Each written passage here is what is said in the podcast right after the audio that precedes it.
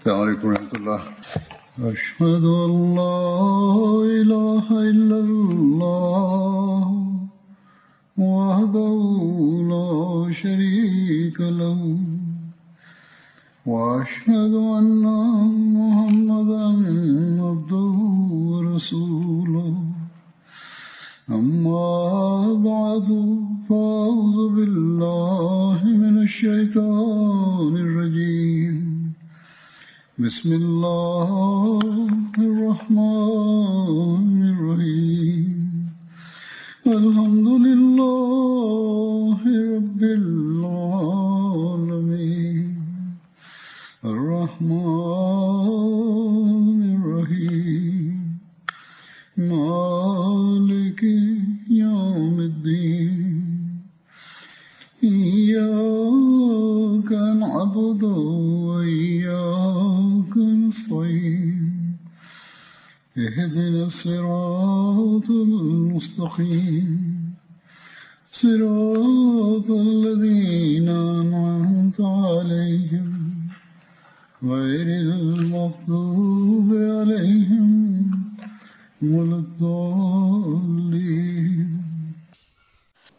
2023ခုနှစ်စက်တင်ဘာလ1ရက်နေ့မှာ Hazrat Amirul Mu'minin Khalifatul Masih Al-Khamis Ayadahullahu Ta'ala bin Nasr Aziz ပြစ်မခလီဖာသခင်ကြီးကဂျာမနီနိုင်ငံစတူဂတ်မြို့ဂျယ်ဆာဂါမှာဂျမာခွတ်ဘာမချခဲ့ပါတယ်ခလီဖာသခင်ကြီးမိန့်ကြားတော်မူသည်မှာအလ်ဟမ်ဒူလ illah ယနေ့အာမဒီယာဂျမတ်ဂျာမနီနိုင်ငံရဲ့ဂျယ်ဆာဆလာနာခမ်းနားကို လေးနှစ်ကြာပြီးနောက်မှတဖန်ပြန်လဲပြီးကြဲကြဲပြန့်ပြန့်ကျင်းပပြုလုပ်နိုင်ခဲ့ပါပြီအလရှမြတ်ဂျယ်ဆာမှာပါဝင်တက်ရောက်ကြသူအားလုံးကိုဂျယ်ဆာရဲ့ရည်ရွယ်ချက်တွေကိုရရှိပိုင်ဆိုင်သူတွေဖြစ်အောင်ပြုလုပ်ပေးတော်မူပါစေဒါပြင်အလရှမြတ်ကကျွန်တော်တို့ကိုထပ်မံစုယုံဖို့အတွက်ခွင့်ရေးပေးခဲ့ပြီးဒီလိုအဖြစ်တဦးနဲ့တဦးစုံစည်းခွင့်ရခဲ့ပြီးစီဝေးပွဲတွေအခမ်းအနားတွေပြုလုပ်လို့ရပြီဆိုတာလောက်နဲ့ ကျေနပ်ပျော်ရွှင်နေလို့မရပါဘူးဒီလိုစုယုံမှုတွေစီဝေးပွဲတွေပြုလုပ်လိုက်ရုံနဲ့လုံလောက်သွားပြီလားဒီလောက်နဲ့မလုံလောက်ပါဘူးတကယ်တော့ဂျလ်ဆာကျင်းပပြုလုပ်ရတဲ့ကြီးမားတဲ့ရည်ရွယ်ချက်ရှိပါတယ်မစီမောဒ်လိုင်စလမ်တခင်ကဂျလ်ဆာကျင်းပပြုလုပ်ရခြင်းရဲ့အလွန်ကြီးမားတဲ့ရည်ရွယ်ချက်နဲ့ဆက်နွယ်ပြီးကျွန်တော်တို့ကိုမိန့်ကြားတော်မူခဲ့ပါတယ်ဒါပြင်တခင်ကြီးကအလွန်နာကျင်ကြေကွဲစွာနဲ့ ဒီအကြောင်းကိုဖော်ထုတ်မိန့်ကြားခဲ့ပါတယ်အဲ့ဒါကတော့တခင်ကြီးရဲ့ဂျမတ်မှာဘိုင်တစ္ဆာခံယူပြီးဝင်ရောက်လာကြသူတွေအနေနဲ့ဘာသာရေးအသိပညာတွေကိုသင်ယူပြီးနံဝင်ခြင်းဘိုင်းမှာတိုးတက်လာအောင် ပြုလုပ်ရမယ်ဆိုတာပါပဲဒါပြင်အလရှမြတ်နဲ့ဆက်နွယ်မှု အရှင်အားချစ်ချင်း၌တိုးတက်လာရပါမယ်တမန်တော်မြတ်ဆလ္လာလဟ်အလัยဟိဝါစလမ်ကိုအပြည့်အဝနောက်လိုက်နာခံသူတွေဖြစ်ကြရပါမယ် ကိုရောမြတ်ဆလ္လာလဟ်အလัยဟိဝါစလမ်ကိုချစ်မြတ်တာထားဆက်သွယ်မှုပိုင်းမှာ တိုးတက်လာရပါမယ်လောကကိုချစ်ခင်ဆုံးမခြင်းကအေးဆက်သွားပြီးဘာသာရေးကိုဦးစားပေးအလေးထားသူတွေဖြစ်သွားကြရပါမယ်မစီမောဒ်လိုင်စလမ်တခင်ကအခွင့်အခါတစ်ခုမှာမိန့်ကြားတော်မူပါတယ်ကျွန်ုပ်ထံဘာယသစ္စာခံယူ၍ဤအသင်းတော်အတွင်းသို့ဝင်ရောက်လာကြသောဖြူစင်သောစိတ်နှလုံးပိုင်ရှင်များအားကျွန်ုပ်ပြောလိုသည်က ဘာယသစ္စာခံယူရခြင်းရည်ရွယ်ချက်မှာလောကီကိုချစ်ခင်ဆုံးမခြင်းကအေးဆက်သွားစေရန်ဖျားသခင်ရှင်မြတ်နှင့်အရှင်တမန်တော်မြတ်ဆလ္လာလဟ်အလိုင်းပေါ်ချစ်ခြင်းကအသင်တို့အပေါ်လွှမ်းမိုးသွားစေရန်ဖြစ်သည်ဒါကြောင့်မစီမောဒလိုင်စလမ်တခင်ထံဘာယသစ္စာခံယူထားကြသူတွေအနေနဲ့ဥစွာပထမအလာနဲ့အရှင်တမန်တော်မြတ်ဆလ္လာလဟ်အလိုင်းရဲ့ချစ်ခြင်းမြတ်တာတွေလွှမ်းမိုးသွားခြင်းခံရတဲ့ ဖြူစင်ဖြောင့်မတ်သူတွေအတွင်းမှာအပါဝင်ဖြစ်အောင်ကြိုးစားကြရပါမယ်ကျွန်တော်တို့ရဲ့အပြောနဲ့အလုပ်အားဖြင့်ဒီချစ်ချင်းကိုဖော်ကျူးတာမျိုးဖြစ်ရပါမယ်ဒီနှစ်မှာဆိုရင်ဂျာမနီနိုင်ငံမှာအာမဒီယာဂျမတ်အခြေချတည်တံ့လာခဲ့တာဟာနှစ်တရာတင်းတင်းပြည့်မြောက်ခဲ့ပြီဖြစ်ပါတယ်ဂျာမနီနိုင်ငံရဲ့ဂျမတ်ဖွဲ့ဝင်တွေကလည်းနှစ်တရာပြည့်မြောက်ခြင်းပေါ်အလွန်စိတ်လှုပ်ရှားနေကြသလိုအလွန်မှပျော်ရွှင်နေကြပါတယ် ယခုနှစ်ဂျယ်ဆာကဂျာမနီနိုင်ငံအာမဒီယာဂျမတ်ရဲ့ရာပြည့်ဂျယ်ဆာပဲဖြစ်ပါတယ်ဒီနေ့ဂျယ်ဆာကဂျမတ်တီဒန်နာနှစ်တရာပြည့်မြောက်ခြင်းအတွက်ကျင်းပပြုလုပ်တဲ့ဂျယ်ဆာခမ်းနားပဲဖြစ်ပါတယ်လူများစွာကလည်းမိမိတို့ရဲ့ပျော်ရွှင်မှုကိုဖော်ထုတ်ပြောဆိုကြပါတယ်တကယ်ပဲပျော်ရွှင်အပ်တဲ့အချိန်ခါတစ်ခုလည်းဖြစ်ပါတယ်အလရှမြတ်ကလွန်ခဲ့တဲ့နှစ်တရာကျော်ရင်ကမစီမောဒလိုင်စလမ်တခင်ကိုအကြောင်းပြုပြီး အစ္စလာမ်ရဲ့လှပတင့်တယ်တဲ့သတင်းစကားကိုဒီနိုင်ငံကိုပို့ဆောင်တော်မူခဲ့ပါတယ်တကယ်တော့တခင်ကြီးတတ်တော်ထင်ရှားရှိနေစဉ်အတွင်းမှာပဲဒီနိုင်ငံကိုဂျမတ်သတင်းစကားရောက်ရှိခဲ့ပြီးဖြစ်တာကြောင့်သတင်းစကားစတင်ရောက်ရှိခဲ့တဲ့အချိန်ကိုရေတွက်ပြောရမယ်ဆိုရင်တော့နှစ်တရာကျော်လွန်ခဲ့ပြီဖြစ်ပါတယ်ဒါနဲ့တပြိုင်နက်ကျွန်တော်တို့ဟာနှစ်တရာအတွင်းမှာဘာတွေရရှိခဲ့လိုက်တယ်လဲ ကျွန်တော်တို့ဟာမိမိတို့ရဲ့အီမန်ယုံကြည်မှုကိုဘယ်တိုင်းတာထိကာကွယ်ခဲ့သလဲဆိုတာဆင်ခြင်သုံးသပ်ရပါမယ်ဒီနိုင်ငံကိုဂျမတ်သတင်းစကားစတင်ရောက်ရှိလာစဉ်တုန်းကလူတချို့သာရှိခဲ့ပါတယ်ဒီနောက်ပါကစ္စတန်နိုင်ငံရဲ့အခြေအနေတွေပြောင်းလဲသွားခဲ့တယ်ကမ္ဘာလောကရဲ့အခြေအနေကလည်းပြောင်းလဲလာခဲ့တယ်မြောင်များစွာသောအာဟမဒီတွေကဒီနိုင်ငံကိုပြောင်းရွှေ့နေထိုင်လာခဲ့တယ်သူတို့ဟာအာဟမဒီတွေဖြစ်တဲ့အတွက်ကြောင့် ဒီနေရာကိုပြောင်းရွှေ့လာရခြင်းဖြစ်ပါတယ်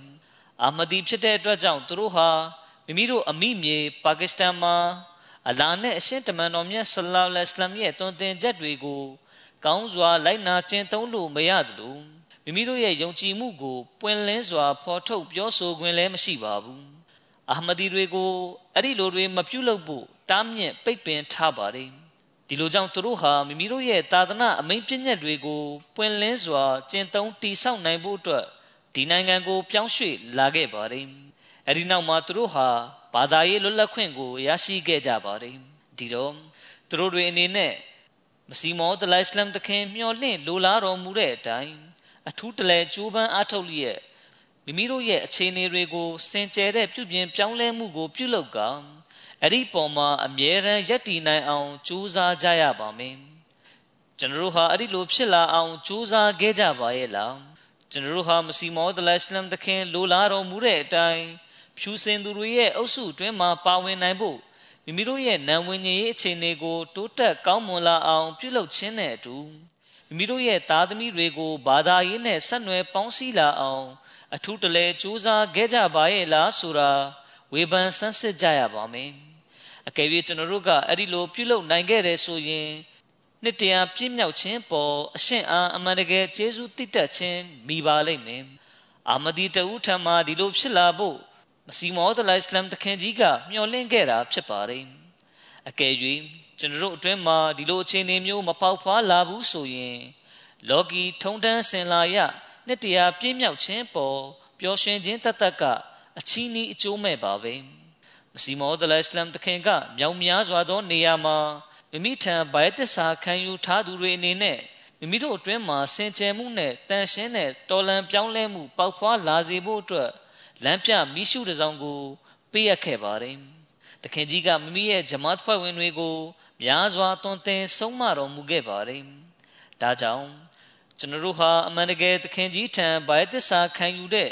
ဖြူစင်သူတွေအတွင်းမှာအပါဝင်ဖြစ်စေဖို့အတွက်မိမိတို့ကိုယ်ကိုအချိန်နဲ့အမျှဝေဖန်ဆန်းစစ်နေကြရမှာဖြစ်ပါတယ်။ဒါပြင်မိမိတို့ရဲ့အပြောနဲ့အလုပ်ကတစ်ဆက်တည်းဖြစ်ရဲ့လားဆိုတာဝေဖန်ဆန်းစစ်နေကြရမှာဖြစ်တယ်။ကျွန်တော်တို့ဟာမစီမောဒလအစ္စလမ်တခင်ထံမှာခံယူခဲ့တဲ့ဘယတ်ရဲ့ရည်ရွယ်ချက်ကိုပြည့်မြောက်အောင်ဘယ်အတိုင်းတာထိဖြည့်ဆည်းခဲ့ပြီလဲကျွန်တော်တို့ဟာဖွံ့ဖြိုးပြီးနိုင်ငံတွေမှာရောက်ရှိလာပြီးနောက် မိမိတို့ရဲ့ရည်ရွယ်ချက်ကို မေ့ပြောက်ပစ်လိုက်ကြပြီလားလော်ကီဆွဲဆောင်မှုတွေကကျွန်တော်တို့ကိုဘယတ်ရဲ့ရည်ရွယ်ချက်ကို မေ့လျော့လစ်ဟင်းသွားအောင် ပြုလုပ်ခဲ့ပြီလားဆိုတာဝေဖန်ဆန်းစစ်ရပါမယ်အကယ်၍အဲ့ဒီຢာတွေကကျွန်တော်တို့ကိုမေးလျော့အောင် ပြုလုပ်ခဲ့ပြီးဆိုရင်တော့နှစ်တရာပြည့်မြောက်ခြင်းအတွက်ပျော်ပွဲဆင်နွှဲနေခြင်းကအချီးနီးအကျိုးမဲ့ပါပဲယခုကျွန်တော်အနေနဲ့ မစီမောဒလအစ္စလမ်တခင်ရဲ့တွင်တင်မိန့်မာချက်တွေကိုတင်ပြလိုပါတယ်ဒီမိန့်ကြားချက်တွေကကျွန်တော်တို့ကိုမိမိတို့ရဲ့ရည်ရွယ်ချက်တွေပေါက်မြောက်စေဖို့လမ်းညွှန်မှုပေးတဲ့တွင်တင်ချက်တွေပဲဖြစ်ပါတယ်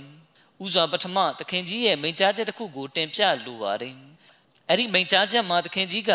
ကျွန်တော်တို့ခံယူထားတဲ့ဘယတ်ကကျွန်တော်တို့စီကဘာကိုတောင်းဆိုနေသလဲဆိုတာကိုမိန့်ကြားတော်မူခဲ့ပါတယ်သခင်ကြီးမိန့်ကြားပါတယ်ဘယတ်စာခံယူလိုက်အောင်ဖြစ် အလရှမြတ်ကျေနပ်နှစ်သက်သွားလိမ့်မည်ဟုမထင်မှတ်ကြကုန်လင်ယင်းမှာအခွန်တတ်တတ်မြတာဖြစ်သည်ဤသည်အပေါ်ယံအခွန်သာဖြစ်ပြီးအနှစ်ကယင်း၏အတွင်း၌ရှိ၏အလရှမြတ်ဖန်ဆင်းထားသောတဘာဝနိယာမတရားသည်ကအပေါ်တွင်အခွန်ကိုထားရှိပြီးအနှစ်ကိုယင်း၏အတွင်း၌ထားရှိတော်မူ၏အခွန်ကဘာယာတစ်ခုမျှမဟုတ်ချေအနှစ်ကသာလျှင်အဓိကကြပေသည် လူတချို့ရှိကြပြီး၎င်းတို့ထံ၌ဘာအနှစ်မျှမရှိကြလေဥကဲ့သို့အတွင်း၌အကာလည်းမရှိသလိုအနှစ်အသားလည်းမရှိကြရင်းကဘာမျှအတုံးမဝင်ုံသာမကစွန့်ပစ်ပစ္စည်းတစ်ခုတစ်ဖွဲလွှင့်ပစ်လိုက်ရမိတာဖြစ်သည်ခလေးတဦးအတွက်2မိနစ်3မိနစ်ခန့်စော်ကစားဖို့အတွက်ကလွဲလို့ဘာမျှအတုံးဝင်လိုက်မည်မဟုတ်ချေထိုနည်းတူဘာယသစ္စာခံယူပြီး အီမန်ယုံကြည်ကြောင်းကြွေးကြော်သောလူသားနေဖြင့်အကယ်၍ယင်းနှစ်ခုစလုံး၏အနှစ်သာရကသူ၏အတွင်း၌မရှိဘူးဆိုလျင်တော့သူ့နေဖြစ်ကြောက်ရွံ့သင့်ပေသည်အချိန်တစ်ချိန်ဆက်ရောက်လာသည့်အခါလေဥကဲ့သို့အနှဲငယ်ထိခိုက်မိုံဖြစ်ညံ့ညက်ကြေကလွှင့်ဖြစ်ရပေလိမ့်မည်ခလီဖာသခင်ကြီးမိန့်ကြားပါတယ်ဂျမတ်ကနေနောက်ဆုတ်ဖဲခွာသွားသူတွေရဲ့အခြေအနေကလည်းဒီတိုင်းဖြစ်ပါတယ်ထိုနည်းတူဘိုင်သစ္စာခံယူ၍ အီမန်ယုံကြည်ကြောင်းကြွေးကြော်သူများနေဖြင့်မိမိတို့သည်အခွန်တတ်တတ်လားသို့မဟုတ်အနှစ်လားဆိုသည်ကိုဝေဖန်ဆန်းစစ်ရပေမည်အနှစ်ပေါက်ဖွားဖြစ်ပေါ်လာခြင်းမရှိသေးသည့်အီမန်တောက်ဝင်ခြင်းချစ်ခြင်းနာခံခြင်းဘာယသစ္စာခံခြင်းယုံကြည်ခြင်းနောက်လိုက်ဖြစ်ခြင်းအစ္စလမ်သာသနာဝင်ဖြစ်ကြောင်းကြွေးကြော်ခြင်းစသည်တို့မှာအစစ်မှန်မဖြစ်နိုင်ကြမှတ်သားကြလေကုန်ဤသည်မှန်သောစကားဖြစ်၏ အလရှမြိရှေးမောက်တွင် အနှစ်ကလွဲ၍အခွန်တတ်တတ်မှာဘာမျှတန်ဖိုးမရှိကြကောင်းစွာမှတ်သားလို့တည်ခြင်းတရားကအဘယ်ချိန်ဆက်ရောက်လာမည်ကိုမသိနိုင်သို့သောမုတ်ချတေရမည်မှာတော့အလွန်သေးကြသောကိစ္စဖြစ်ပေသည်ကြွေးကြော်ခြင်းတတ်တတ်ဖြစ်လုံလောက်ပြီဟု မထင်မှတ်ကြကုန်လင်ဤမြဖြစ်မပျော်ရွှင်ကြကုန်လင်ယင်းကမိသည့်အကျိုးကျေးဇူးကိုမျှအလင်းဆောင်ခြင်းပေးနိုင်လိမ့်မည်မဟုတ်ချေ လူသားသည်မိမိပေါ်တေခြင်းများစွာကို မခံယူသေးသည်မိမိကိုယ်ကိုမြောင်များစွာ ပြုပြင်ပြောင်းလဲမှုများမပြုလုပ်သေးသည်လူသားဖြစ်ခြင်းဆိုသည့်အဆင့်သို့အလင်းရောက်ရှိနိုင်လိမ့်မည်မဟုတ်ချေခရီးဖာသခင်ကြီးမိန့်ကြားပါတယ်ဒါကြောင့်ဘိုင်ရဲ့တောင်းဝင်ကိုဖြည့်ဆည်းခြင်းကတာမန်သေးဖွဲကိစ္စတစ်ခုမဟုတ်ပါဘူး ဒီလိုဖြည့်ဆည်းနိုင်ဖို့ဆိုတာကလည်းကျွန်တော်တို့ဟာအလရှမြတ်ရဲ့အမိန့်ပြည့်ညတ်တော်တွေနဲ့အညီလိုက်နာကျင့်သုံးလျှောက်လန်းတော်မှသာဖြစ်နိုင်ပါလိမ့်မယ်လော်ကီစည်းစိမ်ကိုဝေးလွင့်ပပျောက်အောင်ပြုလုပ်တော့မှသာလူသားဟာအဲ့ဒီလိုအစဉ်မျိုးကိုရရှိနိုင်မှာဖြစ်ပါတယ်လောကမှာနေထိုင်လျက်ပင်ဘာသာရေးကိုဦးစားပေးအလေးထားခြင်းကသာလျှင်စစ်မှန်တဲ့ဂျီဟာဒ်စူးစမ်းအားထုတ်မှုတစ်ခုဖြစ်ပါတယ်ကျွန်တော်တို့အနေနဲ့အဲ့ဒီလိုဖြစ်လာအောင်ကြိုးစားကြရပါမယ် ဘာသာရေးကိုလောကီရေးထက်ဦးစားပေးခြင်းဆိုတာဘာပါလဲလောကကို လုံးဝအဆက်ဖြတ်လိုက်ခြင်းကိုဆိုလိုတာပါလားဒီကြောင့်ကိုရှင်းလင်းလျက်တနည်းမှာမစီမောဒလိုင်စလမ်တခင်မိတ်ကြားတော်မူပါတယ်ကျွန်ုပ်ဒီမွတ်စလင်တို့ပြင်းရသူများဖြစ်သွားစေရန်ပြောသည့်သဘောအလင်းမဟုတ်ပါကြီးအစ္စလာမ်ကမိသူကိုမျှပြင်းဤပေါ်ဆသူများဖြစ်အောင် မပြုလုပ်ပါကြီးမိမိတို့၏ရောင်ရည်ဝယ်တာကိစ္စများနဲ့လောကီလုပ်ငန်းများကိုအာယုံထားကြကုန် သို့သောဖျားသခင်အလို့ငါအချိန်မပေးနိုင်လောက်အောင် လောကီထဲနင်မွန်းနေခြင်းကိုတော့ကျွန်ုပ်အလင်းမနစ်မြို့ပါကြီးရောင်ရည်ဝယ်တာပြုလုပ်ရမည့်အချိန်တွင်အယောင်ဝယ်ပြုကြကုန်ထို့သောပြုလုပ်ခြင်းတွင်လည်းအလရှမြတ်အားချစ်ချောက်ယိုကျိုးခြင်းကိုဥထိတ်ပန်ဆင်မျက်မှောက်ပြုကြလေကုန်တို့အဖြစ်အသင်တို့ပြုလုပ်သောစီးပွားရေးကလည်းအဘာဒတ်အသွင်မျိုးဖြစ်လာပေလိမ့်မည်နမတ်အချိန်တွင်နမတ်ကိုမဆွန့်လွတ်လေနှင့် မိသည့်အရေးကိစ္စပင်ဖြစ်စေကမူအချိန်နေတိုင်း၌ဘာသာရေးကိုဦးစားပေးအလေးထားကြကုန်လောကီရေးကမိမိတို့၏ဥတီယာရည်ရွယ်ချက်ပန်းတိုင်မဖြစ်စေရမိမိတို့၏အဓိကရည်ရွယ်ဥတီချက်မှာဘာသာရေးသာဖြစ်ရပေမည်သို့မှသာလောကီလုပ်ငန်းဆောင်တာများကဘာသာရေးအသွင်မျိုးဖြစ်လာပေမည်တာဝကတော်များကို ကြည်ကြလေကုန်သူတို့သည်အလွန်ခက်ခဲကြက်တဲသောအခြေအနေမှာပင်လျင် ဘုရားသခင်ကို လုံးဝမစွန့်လွတ်ခဲ့ပေတိုက်ပွဲဖြစ်ပွားချိန်နှင့်စီးခြင်းထိုးချိန်သည်မိမြအန်ဒီယေများသောအခြေအနေဖြစ်သည်နည်းဆိုလျင် လူသားသည်ယင်းကို ပုံဖော်စဉ်းစားကြည့်အောင်များဖြင့်ခြောက်ခြားတုန်လှုပ်သွားပေလိမ့်မည်ထိုချိန်သည်စိတ်မှန်ပြင်းပြချိန်ဒေါသမြက်ထွက်နေခြင်းဖြစ်သည်ထိုထိုအချိန်တွင်လည်းတာဝကတော်များသည်ဖျားသခင်ကိုမေ့လျော့သွားခြင်းမရှိခဲ့ပေနမတ်ကိုလည်းမဆွန့်လွတ်ခဲ့ပဲ တဝါဆူတောင်းခြင်းဖြင့်လှုပ်ဆောင်ခဲ့ကြသည်ဤသည်အလွန်ကံမကောင်းအကြောင်းမလှခြင်းဖြစ်သည်၎င်းတို့သည် ပုံစံအမျိုးမျိုးဖြင့်တွန်းအားပေးလျက်ကြီးကြီးကျယ်ကျယ်မိကုံးများဟောပြောကြသည်ဂျယ်ဆာများကျင်းပကြသည်ထိုများဖြင့်မွတ်စလင်များတိုးတက်သွားလိမ့်မည်ဟုထင်မှတ်နေကြသည်သို့သောသူတို့သည်ဖျားသခင်ကိုအဘယ်မျှမေးလျော့နေကြသနည်းဟုမူအရှင်းဘတ်တို့ရောင်လို့ပင်အာယုံပြုခြင်းမရှိကြပေ ဒါကလက်ရှိမွတ်စလင်တွေရဲ့အခြေအနေပဲဖြစ်ပါတယ်ထို့သောသောအခြေအနေတွင်သူတို့၏စ조사အားထုတ်မှုများကကောင်းမြတ်သောရလတ်အသီးပွင့်ထွက်ပေါ်လာလိမ့်မည်ဟုမိတို့မျှော်လင့်၍ရပါမည်နီအမှန်တော့၎င်းတို့အားလုံးမှာလောကီတွက်သာအသက်ရှင်နေကြသည်မှတ်သားကြလေကုန်လာအီလာဟိုင်လလောအလာမတပါအခြားကောက်ကိုကိုွယ်ရာအရှင်မရှိဆိုသည့်ကလီမာစာသားကိုနှလုံးသားအနတ်ဆိုင်ဆုံး၌ မြဲမြံဆွဲထင်သွားအောင်မပြုတ်လုပ်သေးသည်ခန္ဓာကိုယ်အမုံမွားတိုင်းမှာအစ္စလမ်အလင်းရောင်နှင့်အချုပ်ချာကိုတည်တံ့သွားအောင်မပြုတ်လုပ်သေးသည်မိသည့်ခါမျှအောင်မြင်တိုးတက်နိုင်လိမ့်မည်မဟုတ်ချေဒါကပြဋ္ဌာန်းထားပြီးဖြစ်တဲ့စီရင်ချက်တစ်ခုပါပဲအကယ်၍ဥရောပသားတို့၏နမူနာကိုတင်ပြပြီးသူတို့လည်းတိုးတက်နေကြသည်မဟုတ်လောဟုပြောလျင်သူတို့၏အရေးကိစ္စမှာတီးခြားဖြစ်ကြောင်းနားလေကြကုန် အသင်တို့အားချမ်းတော်ကိုပေးသနာထား၏အသင်တို့အလို့ငါတတ်တည်အထောက်ထားများလည်းပြည့်စုံခဲ့လေပြီ၎င်းတို့၏အရေးကိစ္စမှာတီးခြားဖြစ်ပြီးသူတို့အတွက်စစ်ကြောမေးမြန်းခြင်းခံရမိနေလဲရှိပေသည်ခလီဖာသခင်ကြီးမိန့်ကြားပါတယ်သူတို့ကိုဘယ်လိုအဖြစ်ပေးမှလဲဘယ်တော့အဖြစ်ပေးမှလဲဆိုတာကတီးခြားကိစ္စတစ်ခုဖြစ်ပါတယ်သူတို့ဟာဒီတွက်အလရှမြတ်ကိုမုတ်ချအဖြေပေးရမှာဖြစ်ပါတယ်အလရှမြတ်ကသူတို့ကိုဒီလောကမှာအပြစ်မပေးဘဲ တမလွန်ရောက်ခါမှအပြစ်ပေးတာလည်းဖြစ်နိုင်ပါတယ်ဒါပေမဲ့အီမန်ယုံကြည်ကြောင်းကြွေးကြော်ပြီးလက်တွေ့လိုက်နာခြင်းသုံးခြင်းမရှိဘူးဆိုရင်တော့ကျွန်တော်တို့ကိုစစ်ကြောမေးမြန်းခြင်းနဲ့အပြစ်ပေးခြင်းကိုဒီလောကမှာပဲစတင်နိုင်ပါတယ်ဒါကအလွန်တောကဖြစ်เสียကိစ္စပါပဲမစီမောဒလိုင်စလမ်တခင်မိန့်ကြားပါတယ်အသင်တို့သည်အလာဟ်ကျမ်းတော်ကိုဆွန့်လွတ်လိုက်မည်ဆိုလျှင်အသင်တို့အတွက်ဤလောကမှာပင်ဂျဟန္နမ်အပြစ်ငရဲသည်ရှိ၏ ဤသို့သောအချိန်တွင်မြို့တိုင်းလိုလိုမှာမွတ်စလင်တွေတိုးတက်ကောင်းစားရေးအတွက်ခေါင်းစဉ်တက်၍ပရာဟိတအစည်းအရုံးများညီလာခံများပြုလုပ်ကြသည်သို့သောကိုနှစ်မြစာနာပါသည်ဆိုသောမိသည့်မွတ်စလင်တဦး၏နှုတ်ကမြဂျမ်းမြတ်ကုရ်အန်ကိုမိမိတို့၏ယုံကြည်အားထားရာဖြင့်ပြုလုပ်ကြပါကုရ်အန်တိုင်းလိုက်နာကျင့်သုံးကြပါဆိုပြီးမပြောကြပေ၎င်းတို့ကအင်္ဂလိပ်စာကိုသင်ယူကြကောလိပ်ကျောင်းတိဆောက်ကြ ရှင်းနေဖြစ်အောင်ပြုလုပ်ကြဟူ၍သာပြောကြ၏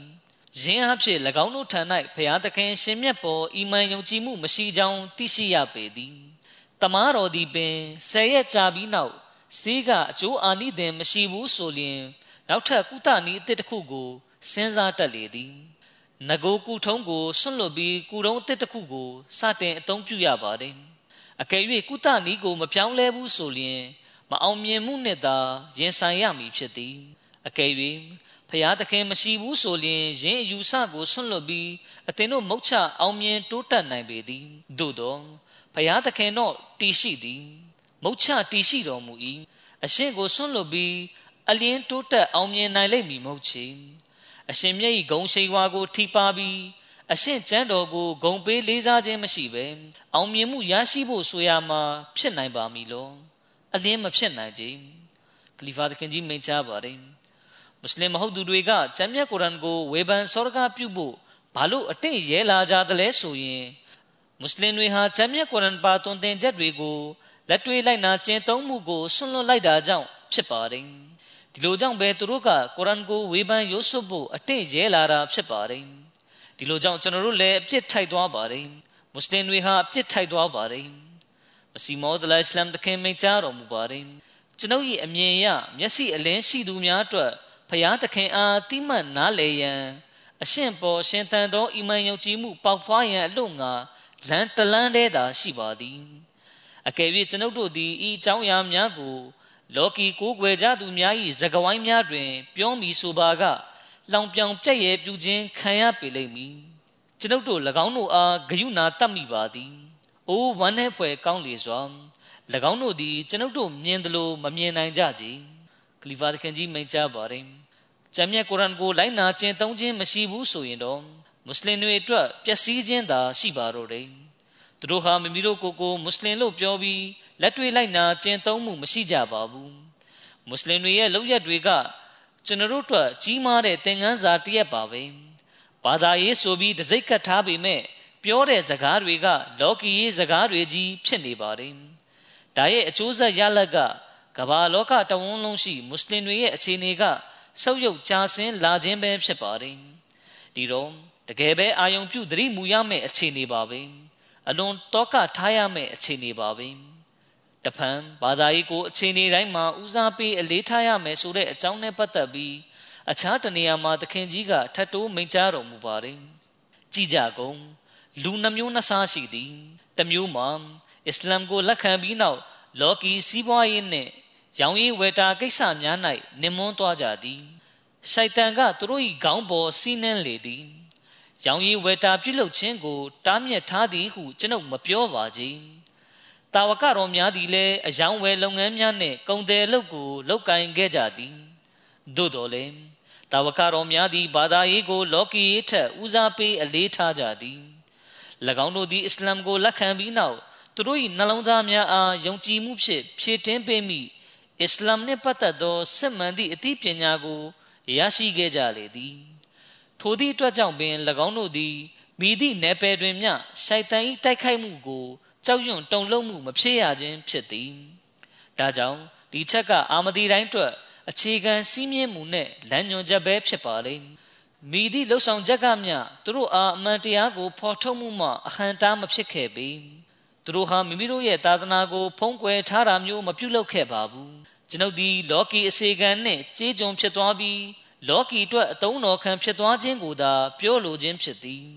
ထို့သောသောသူများကိုရှိုက်တန်ကလွှမ်းမိုးအနိုင်ရသွားပြီးသူတို့သည်ရှိုက်တန်၏ထိန်ချုံမှုအောက်သို့ရောက်ရှိသွားလေသည်ဒုတိယအမျိုးအစားလူမာက သာသနာတော်တိုးတက်ဖို့အတွက်တောကထားကြသူများဖြစ်ကြသည်၎င်းတို့အားဟစ်ဘုလာအလာဟ်တမဟာဟုခေါ်ပေသည်သူတို့သည်ရှိုက်တန်နှင့်သူ၏အုပ်စုပေါ်လွှမ်းမိုးအောင်နိုင်သူများဖြစ်ကြသည်တိုက်ခိုက်မှုတွေပြုလုပ်ပြီးစစ်မှတ်ဖြစ်ပွားနေတဲ့လောကရဲ့အမိကန်ဟစ်ဘုလာအုပ်စုကိုပြောတာမဟုတ်ပါဘူးအလရှမြတ်နဲ့ဆက်သွယ်မှုတိဆောက်ကြသူတွေရဲ့အုပ်စုကိုပဲဟစ်ဘုလာလို့ခေါ်တာဖြစ်ပါတယ်တနအုပ်စာသည်အယောင်ဝယ်ပြုခြင်းဖြင့်တိုးပွားလာ၏ ထို့အတွက်ကြောင့်ပင်အလရှမြတ်ကလည်းဘာသာရေးကိုစီးပူခြင်းဘာသာရေး၌တိုးတက်အောင်ပြုလုပ်လိုခြင်းဆန္ဒကိုအယောင်ဝယ်တစ်ခုဖြင့်မိန့်ကြားထားရခြင်းဖြစ်သည်ယင်းနှင့်ဆက်လင်း၍အရှင်မြတ်မိန့်ကြားတော်မူသည်မှာဟလ်အဒုလုကုမ်အလာတီဂျာရတင်တွန်ဂျီကုမ်မင်အဇာဘင်အလီမ်အသင်တို့အားပြင်းပြနာကျင်ပွဲသောပြစ်ဒဏ်တရက်မှကဲတင်လွတ်မြောက်စေမိရောင်းဝယ်ဖောက်ကားမှုတရက်ကိုငါရှင်မြတ်သည်အသင်တို့အားဖော်ပြရမည်လို့ ဂျမ်မြတ်ကုရ်အာန်61အချိုး7အဲ့ဒါကဘာသာရေးဆိုင်ရာရောင်းဝယ်ဖောက်ကားမှုကိုဆိုလိုတာဖြစ်ပါတယ်မစီမောဒလိုင်စလမ်တခင်မိန့်ကြားတော်မူပါတယ်အကောင်းဆုံးရောင်းဝယ်ဖောက်ကားမှုမှာကပြင်းပြနာကျင်ဖွယ်သောဖြစ်တံမှကဲတင်လွတ်မြောက်စေသောဘာသာရေးဆိုင်ရာရောင်းဝယ်ဖောက်ကားမှုဖြစ်သည်ကျွန်ုပ်ကလည်းအသင်တို့အားအရှင်မြတ်၏ဤမိန့်ကြားချက်စကားရဖြစ်ပြောလိုပါသည် ဟလ်အဒုလုကုမ်အလာတီဂျာရတင်တွန်ဂျီကုမ်မင်အဇာဘင်အလီမ်အသင်တို့အားပြင်းပြနာကျင်ပွဲသောပြစ်ဒဏ်တရက်မှကဲတင်လွတ်မြောက်စေမိရောင်းဝယ်ဖောက်ကားမှုတရက်ကို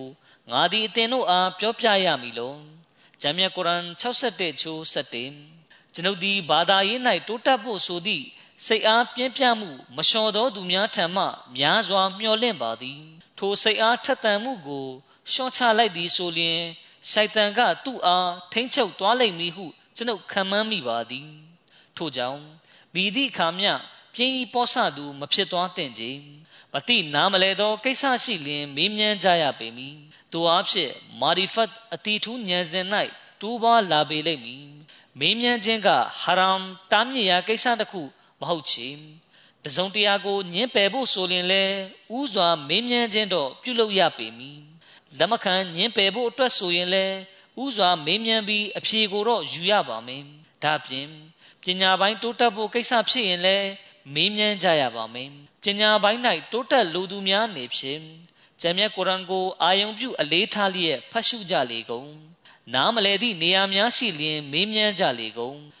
တချို့သောဉာဏ်စဉ်အတိထူးဆိုင်ရာအကြောင်းအရာများနှင့်ပတ်သက်၍နားမလဲဘူးဆိုလျင် အခြားသူများကို မေးမြန်းလျက်အကျိုးရယူခံစားကြလေကုန်ကျမ်းမြတ်ကုရ်အန်ဒီကဘာသာရေးဆိုင်ရာ မြစ်ပြင်ကျဲဖြစ်သည်ယင်း၌အလွန်ကြီးကျယ်သောပညာရပ်ဆိုင်ရာ ပလဲယရနာများ ပါဝင်ပေသည်ခလီဖာသခင်ကြီးမိန့်ကြားပါရင်ဒါကြောင့်ဘာသာရေးဆိုင်ရာပညာရပ်အလုံးစုံကိုရရှိလိုတဲ့ဆိုရင်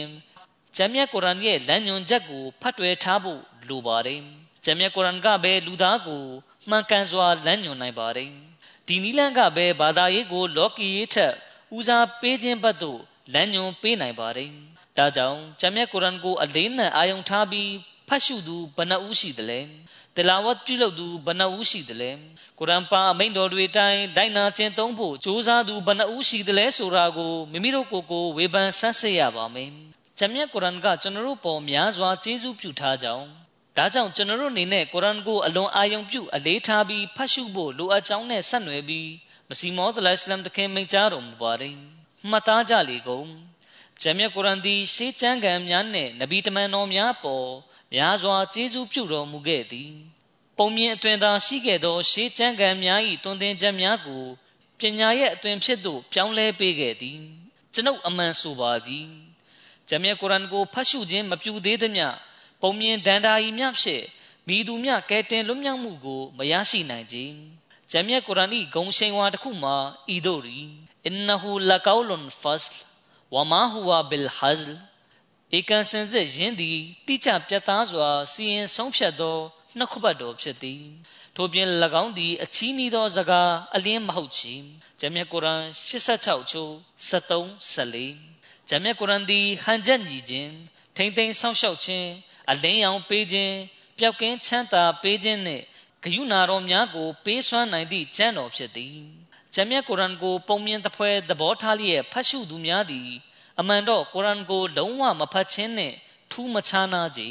ဤဒီမှာကုရ်အန်ကို မလေးမစားပြုခြင်းပင်ဖြစ်သည်ကုရ်အန်သည်လုံးဝအုပ်တုံနူရ်အလင်းရောင်များဖြင့်ပြည့်နှက်လျက်ရှိသောကျမ်းဖြစ်ကြောင်းအလင်းရောင်အမျော်မြင်အတီထူးဉာဏ်စဉ်များနှင့်ပြည့်နှက်လျက်ရှိသောကျမ်းဖြစ်ကြောင်း အလရှမြတ်ဆင့်ဆိုမိန့်ကြားသည့်အတိုင်းဖော်ထုတ်တင်ပြခြင်းကြောင့်ဆန့်ကျင်ဘက်ရန်သူတို့သည်ကျွန်ုပ်အားအတိုင်းထက်လွန်ဆန့်ကျင်ကြခြင်းဖြစ်ပေသည်သို့သော၎င်းတို့သည်ကျမ်းမြတ်ကုရ်အန်ကို ပုံမြင်ဒန္တာဤထက်ပိုသောဆင့်ကို မပေးလိုကြကြသို့သောကျွန်ုပ်သည်ထိုတို့ဖြစ်စေရန်အခွင့်မပေးကြအလရှမြတ်ကမိမိဖဇလ်ကျေးဇူးတော်ဖြင့်ကျမ်းမြတ်ကုရ်အန်သည် ရှင်တန်လျက်ရှိပြီး အလင်းပေးသောကျမ်းတော်ဖြစ်ကြောင်းကျွန်ုပ်အားဖွင့်လှစ်အတီးပေးတော်မူခဲ့ပြီးဖြစ်သည်တို့ဖြစ်သောကြောင့်ကျွန်ုပ်သည်သူတို့၏ဆန့်ကျင်မှုကိုအတို့လျင်ဂယုစိုက်เสียလိုပါသည်။အချုပ်ဆိုရတော့ကျွန်ုပ်သည်မိမိနှင့်ဆက်နွယ်ပေါင်းစည်းလျက်ရှိသော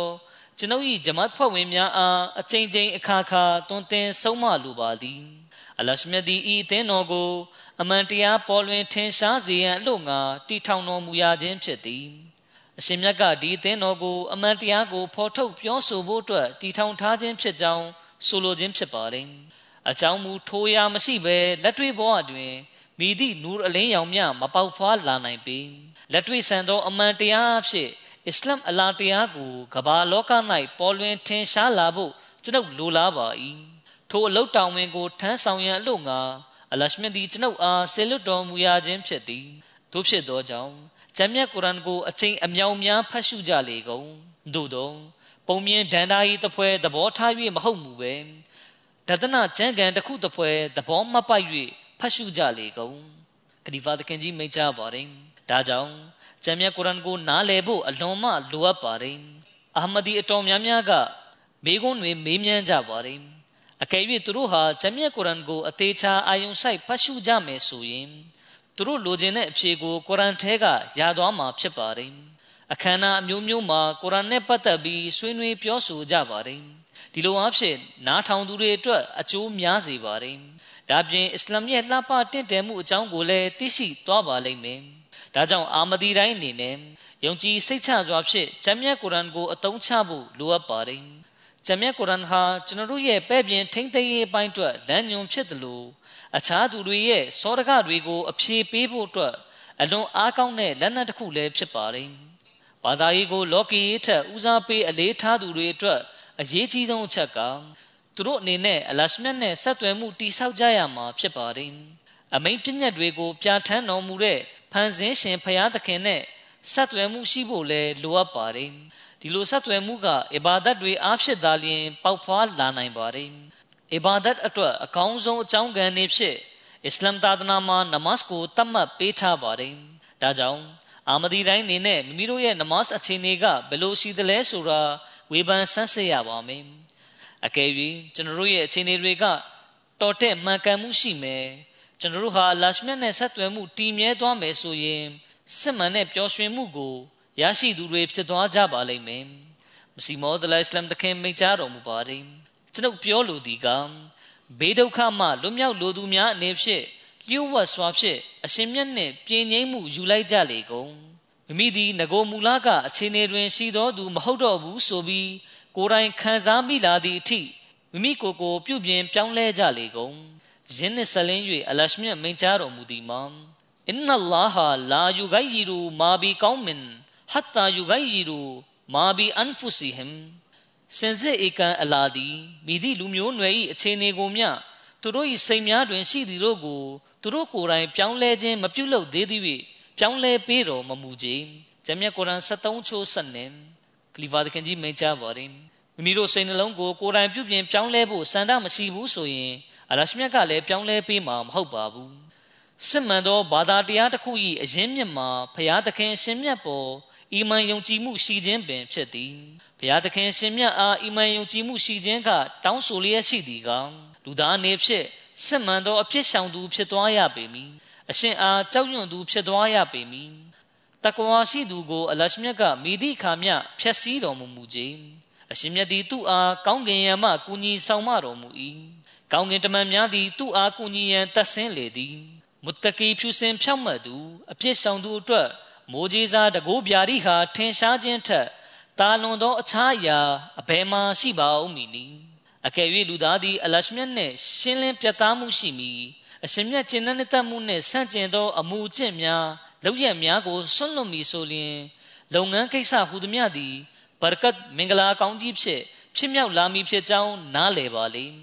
ကျွန်ုပ်တို့၏အီမန်ယုံကြည်မှုသည်ကောင်းကင်ရဲ့လှုပ်ဆောင်ချက်များပေါ်တွင်မူတည်နေ၏ ခလီဖာတခင်ကြီးမိန့်ကြားပါတယ်ကောင်းကင်ကဖြစ်လောလို့အမိန့်ရှိရင်ဖြစ်ကိုဖြစ်လာရပါတယ်ဒီပြင်အခြားနည်းလမ်းမရှိပါဘူးဤဒီမှာမှန်သောစကားဖြစ်သည်အကယ်၍အရှင်မြတ်သည်တစုံတဦးအတွက်ဖြစ်သွားပြီဆိုလျှင်တလောကလုံးကသူ့ကိုဆန့်ကျင်လျင်တောင်မိသူမြသူ့အားဆုံးရှုံးနစ်နာအောင် ပြုလုပ်နိုင်လိမ့်မည်မဟုတ်ချေအလရှမြတ်ကတစုံတဦးကိုကာကွယ်စောင့်ရှောက်လိုပြီးဆိုလျှင်သူ့ကိုမိသူကထိခိုက်ဆုံးရှုံးအောင် ပြုလုပ်နိုင်ပါမည်နီ သခင်ကြီးမိန့်ကြားတော်မူပါတယ်တို့ဖြစ်ရာအလရှမြတ်ပေါ်ယုံကြည်မှုထားရန်လိုအပ်ပေသည်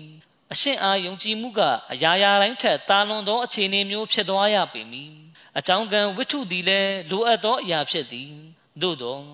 ဖန်ဆင်းခံရသောအကြောင်းကံဝိထုတို့မှာလည်းအရှင်လက်တော်၌သာရှိပေ၏အရှင်မြတ်သည်အကြောင်းကံအားလုံးကိုဖန်ဆင်းဖြစ်တည်လာအောင် ပြုလုပ်နိုင်တော်မူ၏ထို့ကြောင့်လောကီအကြောင်းကံများပေါ်ယုံကြည်ခြင်းမပြုလေနှင့် ထိုယုံကြည်မှုမှာမိတို့ပေါက်ဖွားလာနိုင်ပါသည်။နမတ်ကိုစနစ်တကျဝတ်ပြုတိဆောက်ပါလေ။နမတ်၌ဒဝါဆူတောင်းသည့်အလေးချင်းပြုလုပ်ပါလေ။ချွတ်ချော်တိမ်ပမှုများမှလွတ်မြောက်အောင်ပြုလုပ်ရပေမည်။ဘဝတစ်တစ်ခု၏အုံမြက်ကိုအခြေချတိဆောက်ရန်လိုအပ်ပေသည်။မှတ်သားကြပါကုန်။အလရှမြတ်ကမိတ်ဆွေအမှန်ဖြစ်တဲ့ကဲ့သို့အခြားမိတို့သောမိတ်ဆွေရင်းချာမြမရှိနိုင်ကြ။အရှင်မြတ်ကကျင့်တဲ့တက်ပြီးဆိုလျင် တလောကလုံးလဲကျင့်납သွားတော်သည်အကယ်၍အရှင်မြတ်သည်မိမိကျင့်납နဲ့တတ်မှုကိုဖော်ထုတ်တော်မူသည်ဆိုလျှင်ပြောင်းပြန်ဖြစ်နေသောအကြောင်းကံကိုပင်တဲ့မှတ်အောင်ပြုပေးတော်မူပေသည်ပြည့်ရွေးနေသောအလုံးများတဲ့မှတ်ကောင်းမွန်လာပေသည်အကျိုးမရှိသောအရာကိုအကျိုးရှိသောအရာဖြစ်အောင်ပြုလုပ်တော်မူပေသည်ဤသည်ပင်အရှင်မြတ်၏ဖျားသခင်ဖြစ်ခြင်းတကိုးစွမ်းပကားပင်ဖြစ်၏သို့သောဤနေရာ၌မှတ်သားအပ်သည်က တဝါဆူတောင်းပေးရန်ပန်ကြားသူအနေဖြင့်ကိုယ်တိုင်ကမိမိစွမ်းအားများကိုအသုံးချရပေမည်ဆိုလိုတာကတဝါအတွက်ပန်ကြားသူအနေနဲ့တဝါဆူတောင်းခြင်းနဲ့အတူမိမိကိုယ်ကိုပြုပြင်တက်မှတ်ရေးမိမိစွမ်းအားများကိုတော်တဲ့မှန်ကန်စွာအသုံးချရေးကိုလည်းအာယုံထားရပါမယ်အကယ်၍အကျဉ်သူသည်ပုံစံတစ်မျိုးမျိုးဖြင့်အရှင်မြတ်အားစိတ်ဆိုးအမျက်ထွက်အောင်ပြုလုပ်သည်ဆိုလျင်တတဝါဆူတောင်းခြင်း၏အကျိုးသက်ရောက်မှုကိုဟန်တားလိုက်ခြင်းပင်ဖြစ်သည် လောကီအကြောင်းကံများမှအကျိုးရယူခြင်းသည် အဖြစ်မထိုက်ပေသို့သောအရှင်မြတ်ကိုတော့ဦးစားပေးအလေးထားရပါမည်အရှင်မြတ်အမျက်တော်ရှစေမိကိစ္စများမှရှောင်ရှားကြလေကုန်နမတ်၌စီးစဉ်ရတာမခံစားရခြင်းအကြောင်းနဲ့အဲ့ဒါကိုကုစားဖို့နီလန်းနဲ့ဆက်နွယ်ပြီးမစီမောသလိုင်စလမ်တခင်မိန့်ကြားတော်မူပါတယ်လူတို့သည်နမတ်၌မေလျောပောဆခြင်းနှင့်ပြင်းရခြင်းတို့ဖြစ်ရသည့်အကြောင်းရင်းကိုကျွန်ုပ်ကောင်းစွာသိပါ၏၎ င်းတို့သည်အလရှမြတ်ကထဲ့သွင်းပေးထားသောနမတ်၌ရှိသည့်ကြည်နူးချမ်းမြေ့မှုနှင့်စီးစိမ်ရတာကို မခံစားမိသောကြောင့်ဖြစ်သည်ထို့သောနမတ်၌စီးစိမ်ရတာမခံစားရခြင်း၏အဓိကအကြောင်းရင်းမှာဤသည်ပင်ဖြစ်၏မြို့များနှင့်ခြေရွာများတွင် ထိုထက်ပုံမို၍နမတ်၌မေလျောပောဆခြင်းနှင့်ပြင်းဤခြင်းတို့ဖြစ်ကြသည်လူ90ရာခိုင်နှုန်းလောက်ကပင်ဖြည့်ဝသောကြိုးစားအားထုတ်မှုစစ်မှန်သောချစ်ချင်းဖြင့် မိမိတို့ဖန်ဆင်းရှင်အစစ်မှန်ဖြစ်သောဘုရားသခင်ရှိတော်မောက်တွင်ဥညွတ်ဝစ်စင်းခြင်းမပြုကြပေထို့နောက်၎င်းတို့ကပင်မိမိတို့မှာနမစီစည်းစိမ်ရတာကိုအဘဲကြောင့်မခံစားရပါသနည်းဟု မေးကြသည်ထို့သောမေးကြသူတို့သည်တစ်ကြိမ်တစ်ခါမျှနမစီအရတာကို မမြည်ဆန်းကြည့်ကြကြီးအခြားဘာသာတရားများတွင် ထို့သောအမိန့်ပြညတ်မျိုးမပါရှိကြတချို့အခါများတွင် ကျွန်ုပ်တို့သည်အလုတ်ထဲတွင်နင်မွန်းနေကြ၏၎ င်းတို့သည်မွအာဇင်၏အာဇန်ဆိုတန်ကိုကြားလျင်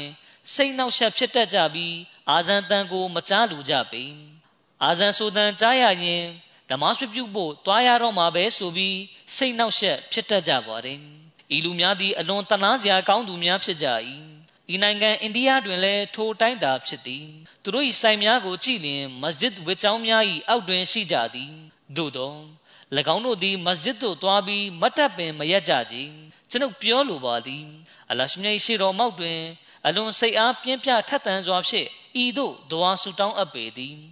အရှင်မြတ်သည်တတိဝလံများအရာဝတ္ထုများတွင် အမျိုးမျိုးသောစည်းစိမ်ရတာကိုချီးမြှင့်ပေးသနာတော်မူထားသလို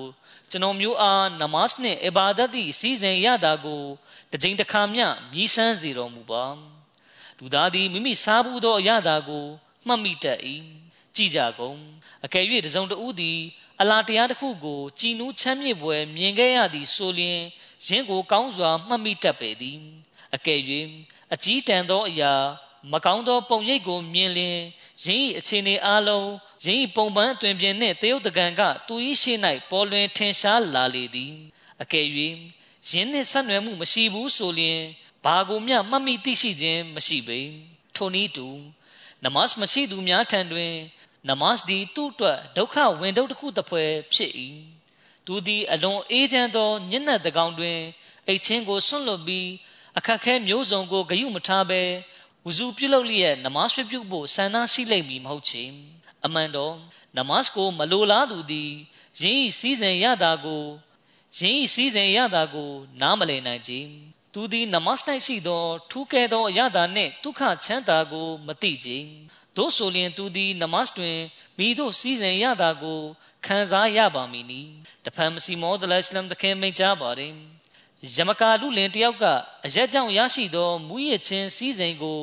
မရရှိလေသည်မြအရက်ကိုတစ်ခွက်ပြီးတစ်ခွက်တောက်တက်ကြောင်းကျွန်ုပ်မြင်မှုပါသည်နောက်ဆုံးတွင် သူလိုချင်သောရင်မှုချင်းစည်းစိမ်တစ်မျိုးကိုရရှိသွားလေသည်ယင်းဖြစ်ရက်ကိုကြည့်ပြီးစင်ကျင်တွေးဆတတ်သူက ယင်းကိုဥပမာယူကာအကျိုးရယူခံစားနိုင်ပါသည်ယင်းမှာနမတ်ကိုပုံမှန်မပြတ်ဝတ်ပြုရန်ဖြစ်သည်မပြတ်မတောက်ဘဲနမတ်ကိုပုံမှန်ဝတ်ပြုရမည်ဖြစ်သည်နောက်ဆုံးတွင်နမတ်ကြောင့်ရရှိရသော စီးစိမ်ရတာကိုခံစားရရှိပေလိမ့်မည်အယက်သမားကအယက်တောက်သောအခါမူရမှုစည်းစိမ်ကိုခံစားရရှိအောင်လုပ်မည်ဟုသောရည်မှန်းချက်ကို အုံနောက်တွင်မှတ်သားပြီးအယက်တောက်သလိုအသင်တို့ကလည်းနမတ်ကိုစီးစိမ်ရတာရရှိသည့်အထိ ပုံမှန်မပြတ်ဝတ်ပြုမိဟုရည်မှန်းချက်ထားကာအုံနောက်တွင်ရှိသမျှသောစဉ်းစားမှုများအားလုံးကိုနမတ်တဲကစီးစိမ်ရရှိရေးဘက်သို့ဥလဲ့ထားရပါမည်ထို့နောက်တွင်အနေဆုံးနေဖြစ်စိတ်တွင်စောက်တရားမရဖြစ်ကာဆူတောင်းမှုတစ်ခုထွက်ပေါ်လာအောင်ကြိုးစားအားထုတ်ရမည်ထိုသောဆူတောင်းမှာနမတ်တွင်ရှိသောစီးစိမ်ရတာကိုရရှိခံစားနိုင်ရန်ဖြစ်သည်ထိုအခါနမတ်တဲကထိုစည်းစိမ်ရတာကိုရရှိသွားလိမ့်မည်ဖြစ်ကြောင်းကျွန်ုပ်အခိုင်အမာပြောလိုပါသည် ထိုသည့်နောက်နမတ်ပြုသောအခါနမတ်ထဲကအကျိုးကျေးဇူးများအရှင်မြတ်ကမိမိပေါ်ပြုထားသောကျေးဇူးတရားများစသည်တို့ကို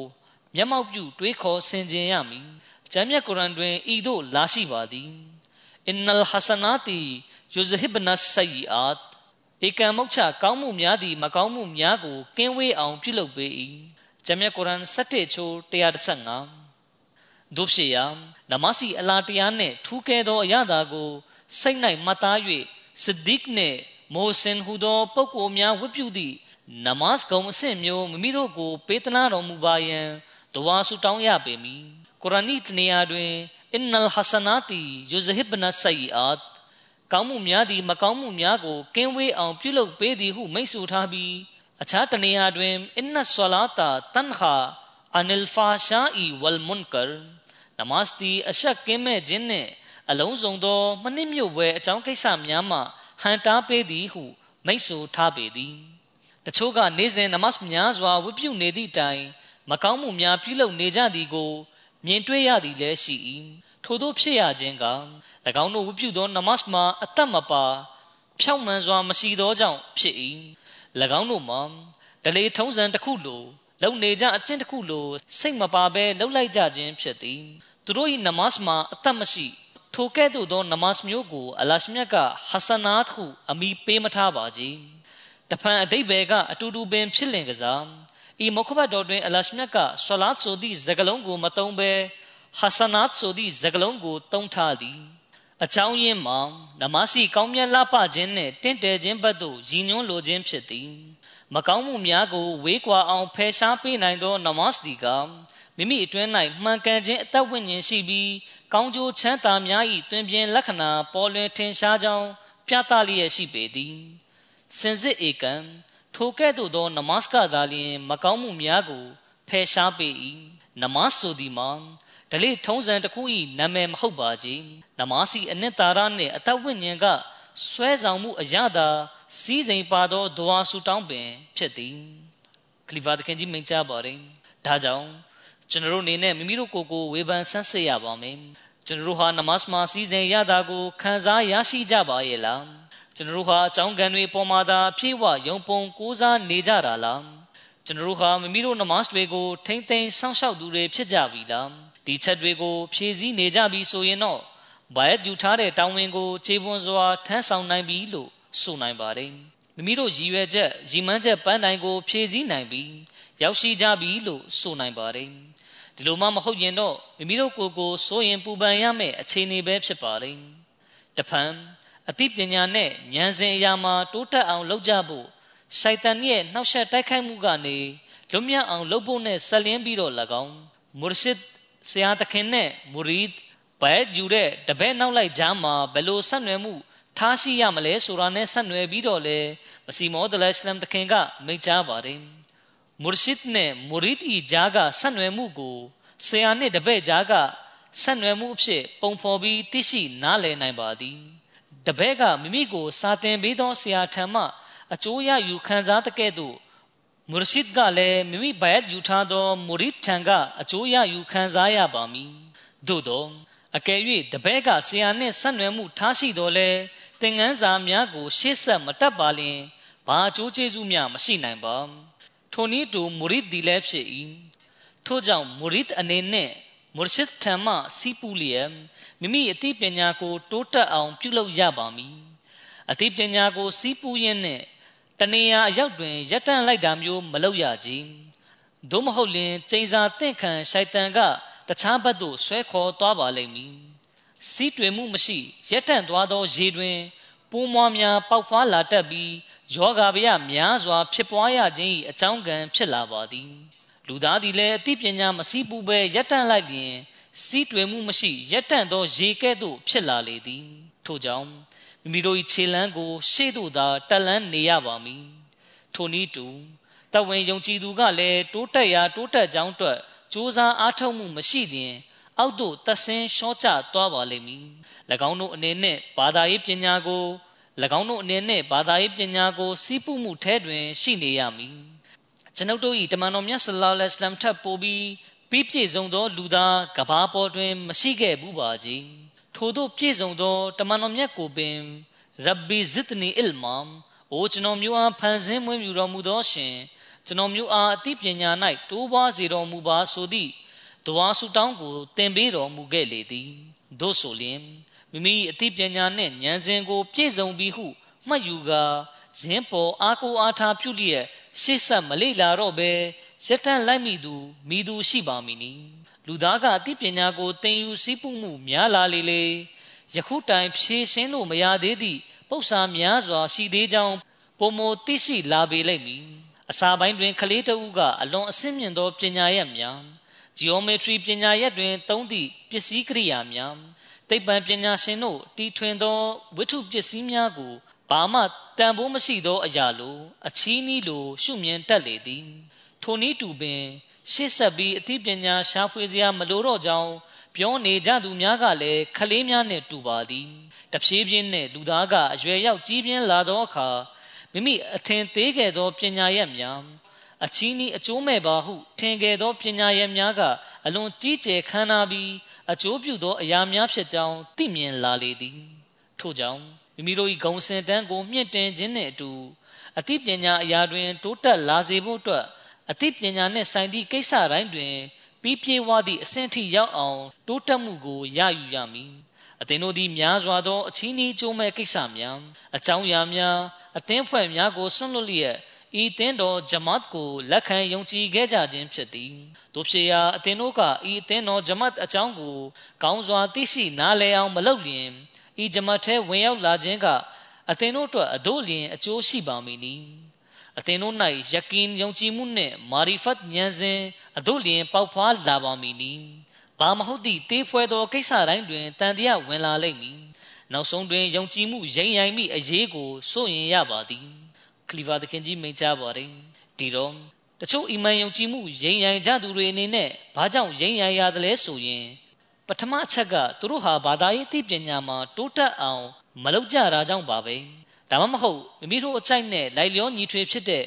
ဖွင့်ဆိုချက်မျိုးတွေကိုဖွင့်ဆိုကြတာကြောင့်ပါပဲဒါပြင်မစီမောဒလိုင်စလမ်တခင်ရဲ့ကျမ်းစာအုပ်တွေကိုလေ့လာဖတ်ရှုခြင်းမရှိတာကြောင့်ပါပဲ အကယ်၍ကျွန်တော်တို့ဟာဘာသာရေးသိပညာမှာတိုးတက်အောင်ကြိုးစားကြမယ်ဆိုရင်အလရှမြတ်တည်ရှိခြင်းပေါ်မှာလည်းယုံကြည်မှုတိုးတက်လာမှာဖြစ်ပါတယ်ဒါပြင်အစ္စလာမ်နဲ့အာမဒီယတ်ပေါ်ယုံကြည်မှုကလည်းတိုးတက်လာပါလိမ့်မယ်မိတို့သားသမီးတွေရဲ့အီမန်ယုံကြည်မှုကိုလည်းကာကွယ်သူတွေဖြစ်နိုင်ကြပါလိမ့်မယ်ဒါကြောင့်ဘာသာရေးသိပညာသင်ယူရေးဘက်သို့ကျွန်တော်တို့အနေနဲ့များစွာအာယုံစိုက်ဖို့လိုအပ်ပါတယ်။အစီမောဒလစ်လမ်တခင်ကမိန့်ကြားပါတယ်။ ကျွန်ုပ်ကိုဟကမ်ခုံတမာရီဖြစ်၎င်းအဒလ်တရားမျှတသူအဖြစ်၎င်းလက်ခံယုံကြည်ကြကုန်။ထို့ကြောင့်ကျွန်ုပ်ပြောမိစကားများသည် အလာနှင့်အရှင်တမန်တော်မြတ်ဆလလောလဟ်အလัยဟ်မိန့်ကြားသွန်သင်ချက်များနှင့်အညီပြောဆိုပါမည်။ထို့ပြင်အလရှမြတ်၏အထူးလမ်းညွှန်မှုနှင့်အညီပြောဆိုပါမည်။ထို့ကြောင့်ထိုသည့်ဟကမ်နှင့်အဒလ်၏စကားများကိုတလေးတစားနားဆင်ကြကုန်အချင်းသူသည်ကျွန်ုပ်ထံအီမန်ယုံကြည်လာလျင်ထိုသူအနေနှင့် ထိုအီမန်ယုံကြည်မှုယကင်နှင့်အီရဖန်ဉာဏ်စဉ်အဆင့်သို့ရောက်အောင်တိုးတက်ကြိုးစားသွားရမည်ထို့သောမဟုတ်ဘဲတန်တရားဝဲဩကနှင့်အထင်လွဲခြင်းတဲတွင်နစ်မြုပ်မသွားစေရန်အထင်လွဲခြင်းနှင့်တန်တရားကမိတို့မြအကျိုးမရှိကြောင်းမှတ်သားကြကုန်အရှင်မြတ်ကိုယ်တော်တိုင်မိန့်ကြားတော်မူသည်မှာအင်နဇွန်နာလာယုဂနီမင်အလ်ဟက်ကီရှိုင်အန်စင်စစ်တော်က ထင်မြင်ယူဆချက်သည် အမှန်တရားမှအမိတွယ်ကင်းအောင်ဇိုးစင်းမြပင် မပြုတ်လုံနိုင်ခြင်းဂျမက်ကုရ်အန်30ချိုး39ယကင်ကသာလျှင်လူသားကိုအောင်မြင်ထမြောက်သူဖြစ်အောင်ပြုလုပ်ပေးနိုင်သည်ယကင်မရှိလျှင်ဘာမျှမဖြစ်လာနိုင်ခြင်းလူသားသည်ကိစ္စတိုင်းတွင်တန်တရားရှိနေမည်အထင်လွဲနေမည်ဆိုလျှင်လောက၌တည်င်ကားမျှပင် နေထိုင်၍ရမည်မဟုတ်ချေရေထဲမှအစိတ်ခတ်ထားနိုင်သည်ဟုအထင်လွဲကာရေတောင်တောက်နိုင်မည်မဟုတ်တော့ချေ အစာတွင် အစိတ်ပါမီလောဟုတွေးကာအစာလဲစားနိုင်တော့မည်မဟုတ်ချေဝဟမ်တန်တရားမိသောယောဂါကလူတယောက်ထံတွင် တွယ်ကပ်ပြီးဆိုလျင် ထိုသူအားလောကမှာနေ၍မရအောင်လုပ်တော်သည်ဤရုပ်ပိုင်းဆိုင်ရာခြေနေကို ထောက်ရှုလျက်နာဝဉ္ဉဉ်ပိုင်းဆိုင်ရာကိစ္စများဖြင့်နှိုင်းရှင်စဉ်းစားရပါမည်အသင်တို့ကကျွန်ုပ်ထံတွင်ဗယက်ယူထားကြပြီးကျွန်ုပ်အားဂရိတော်ရမစီနှင့်မဲသည်ဖြစ်၎င်းဟကမ်နှင့်အဒလ်ဖြစ်၎င်းယုံကြည်လက်ခံထားကြသည် ထို့သောယုံကြည်ပြီးနောက်တွင်ကျွန်ုပ်၏မိသည့်စကားတစ်ခုခုကိုဖြစ်စေကျွန်ုပ်၏လှုပ်ဆောင်ချက်တစ်ခုခုကိုဖြစ်စေစိတ်ဆိုးအမျက်ထွက်ခြင်းအထင်မြင်လွဲမှားခြင်းဖြစ်ပြီးဆိုလျင်အသင်တို့မိမိတို့၏အီမန်အတွက်စိတ်ပူကြလော့ဆိုရင်စရာများတန်တရားများပြစ်တင်ဆွဆွဲမှုများဖြင့်ပြင်းလျက်ရှိသောအီမန်ယုံကြည်မှုကကောင်းမွန်သောရလဒ်ကိုမဖော်ဆောင်နိုင်ကြမစီမောဦးကအမှန်တကယ်ပင်ဟကံဖြစ်ကြောင်းလက်ခံယုံကြည်သည်ဆိုလျင်သူ၏ဆုံးဖြတ်ချက် အမိန့်နှင့်လှုပ်ဆောင်ချက်ရှိတွင်အသင်တို့လက်နက်ချလိုက်ကြကုန်သူ၏ဆုံးဖြတ်ချက်များကိုတလေးတစားရှုမြင်နားထောင်ကြကုန်သူအားဖြင့်အသင်တို့သည်ဓမ္မတော်မြတ်ဆလ္လာလဟ်အလัยဟိဝါစလမ်၏ချိုးတင်ဟောကိန်းများပေါ်ဂုံတိတ်ခါပေးသူများဖြင့်တတ်မှတ်ခံရစေရန်ဖြစ်သည်ဓမ္မတော်မြတ်ဆလ္လာလဟ်အလัยဟိဝါစလမ်၏တတ်သိခံချက်ကလုံလောက်မှုရှိပြီးစိတ်ကိုကျေနပ်မှုပေးပါသည်ကိုရောမြတ်ကတတ်သိခံလျက်မိန့်ကြားသည်မှာ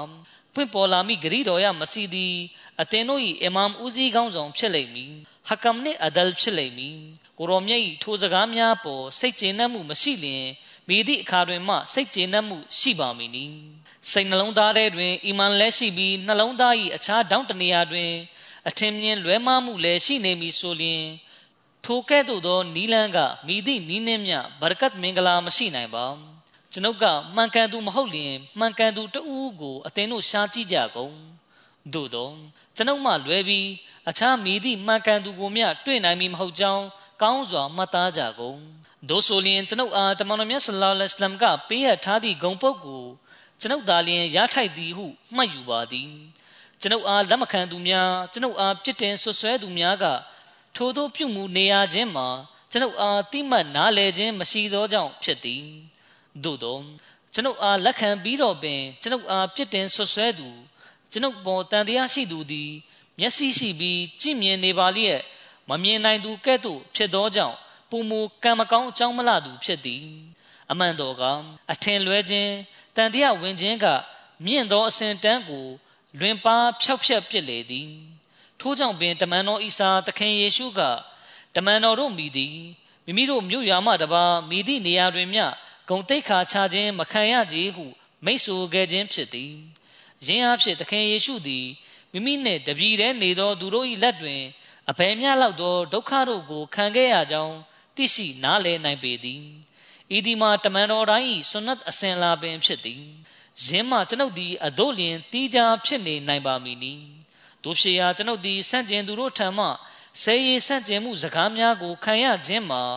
ထိုဆွနတ်အစဉ်လာနှင့်အညီပင်ဖြစ်ပါသည်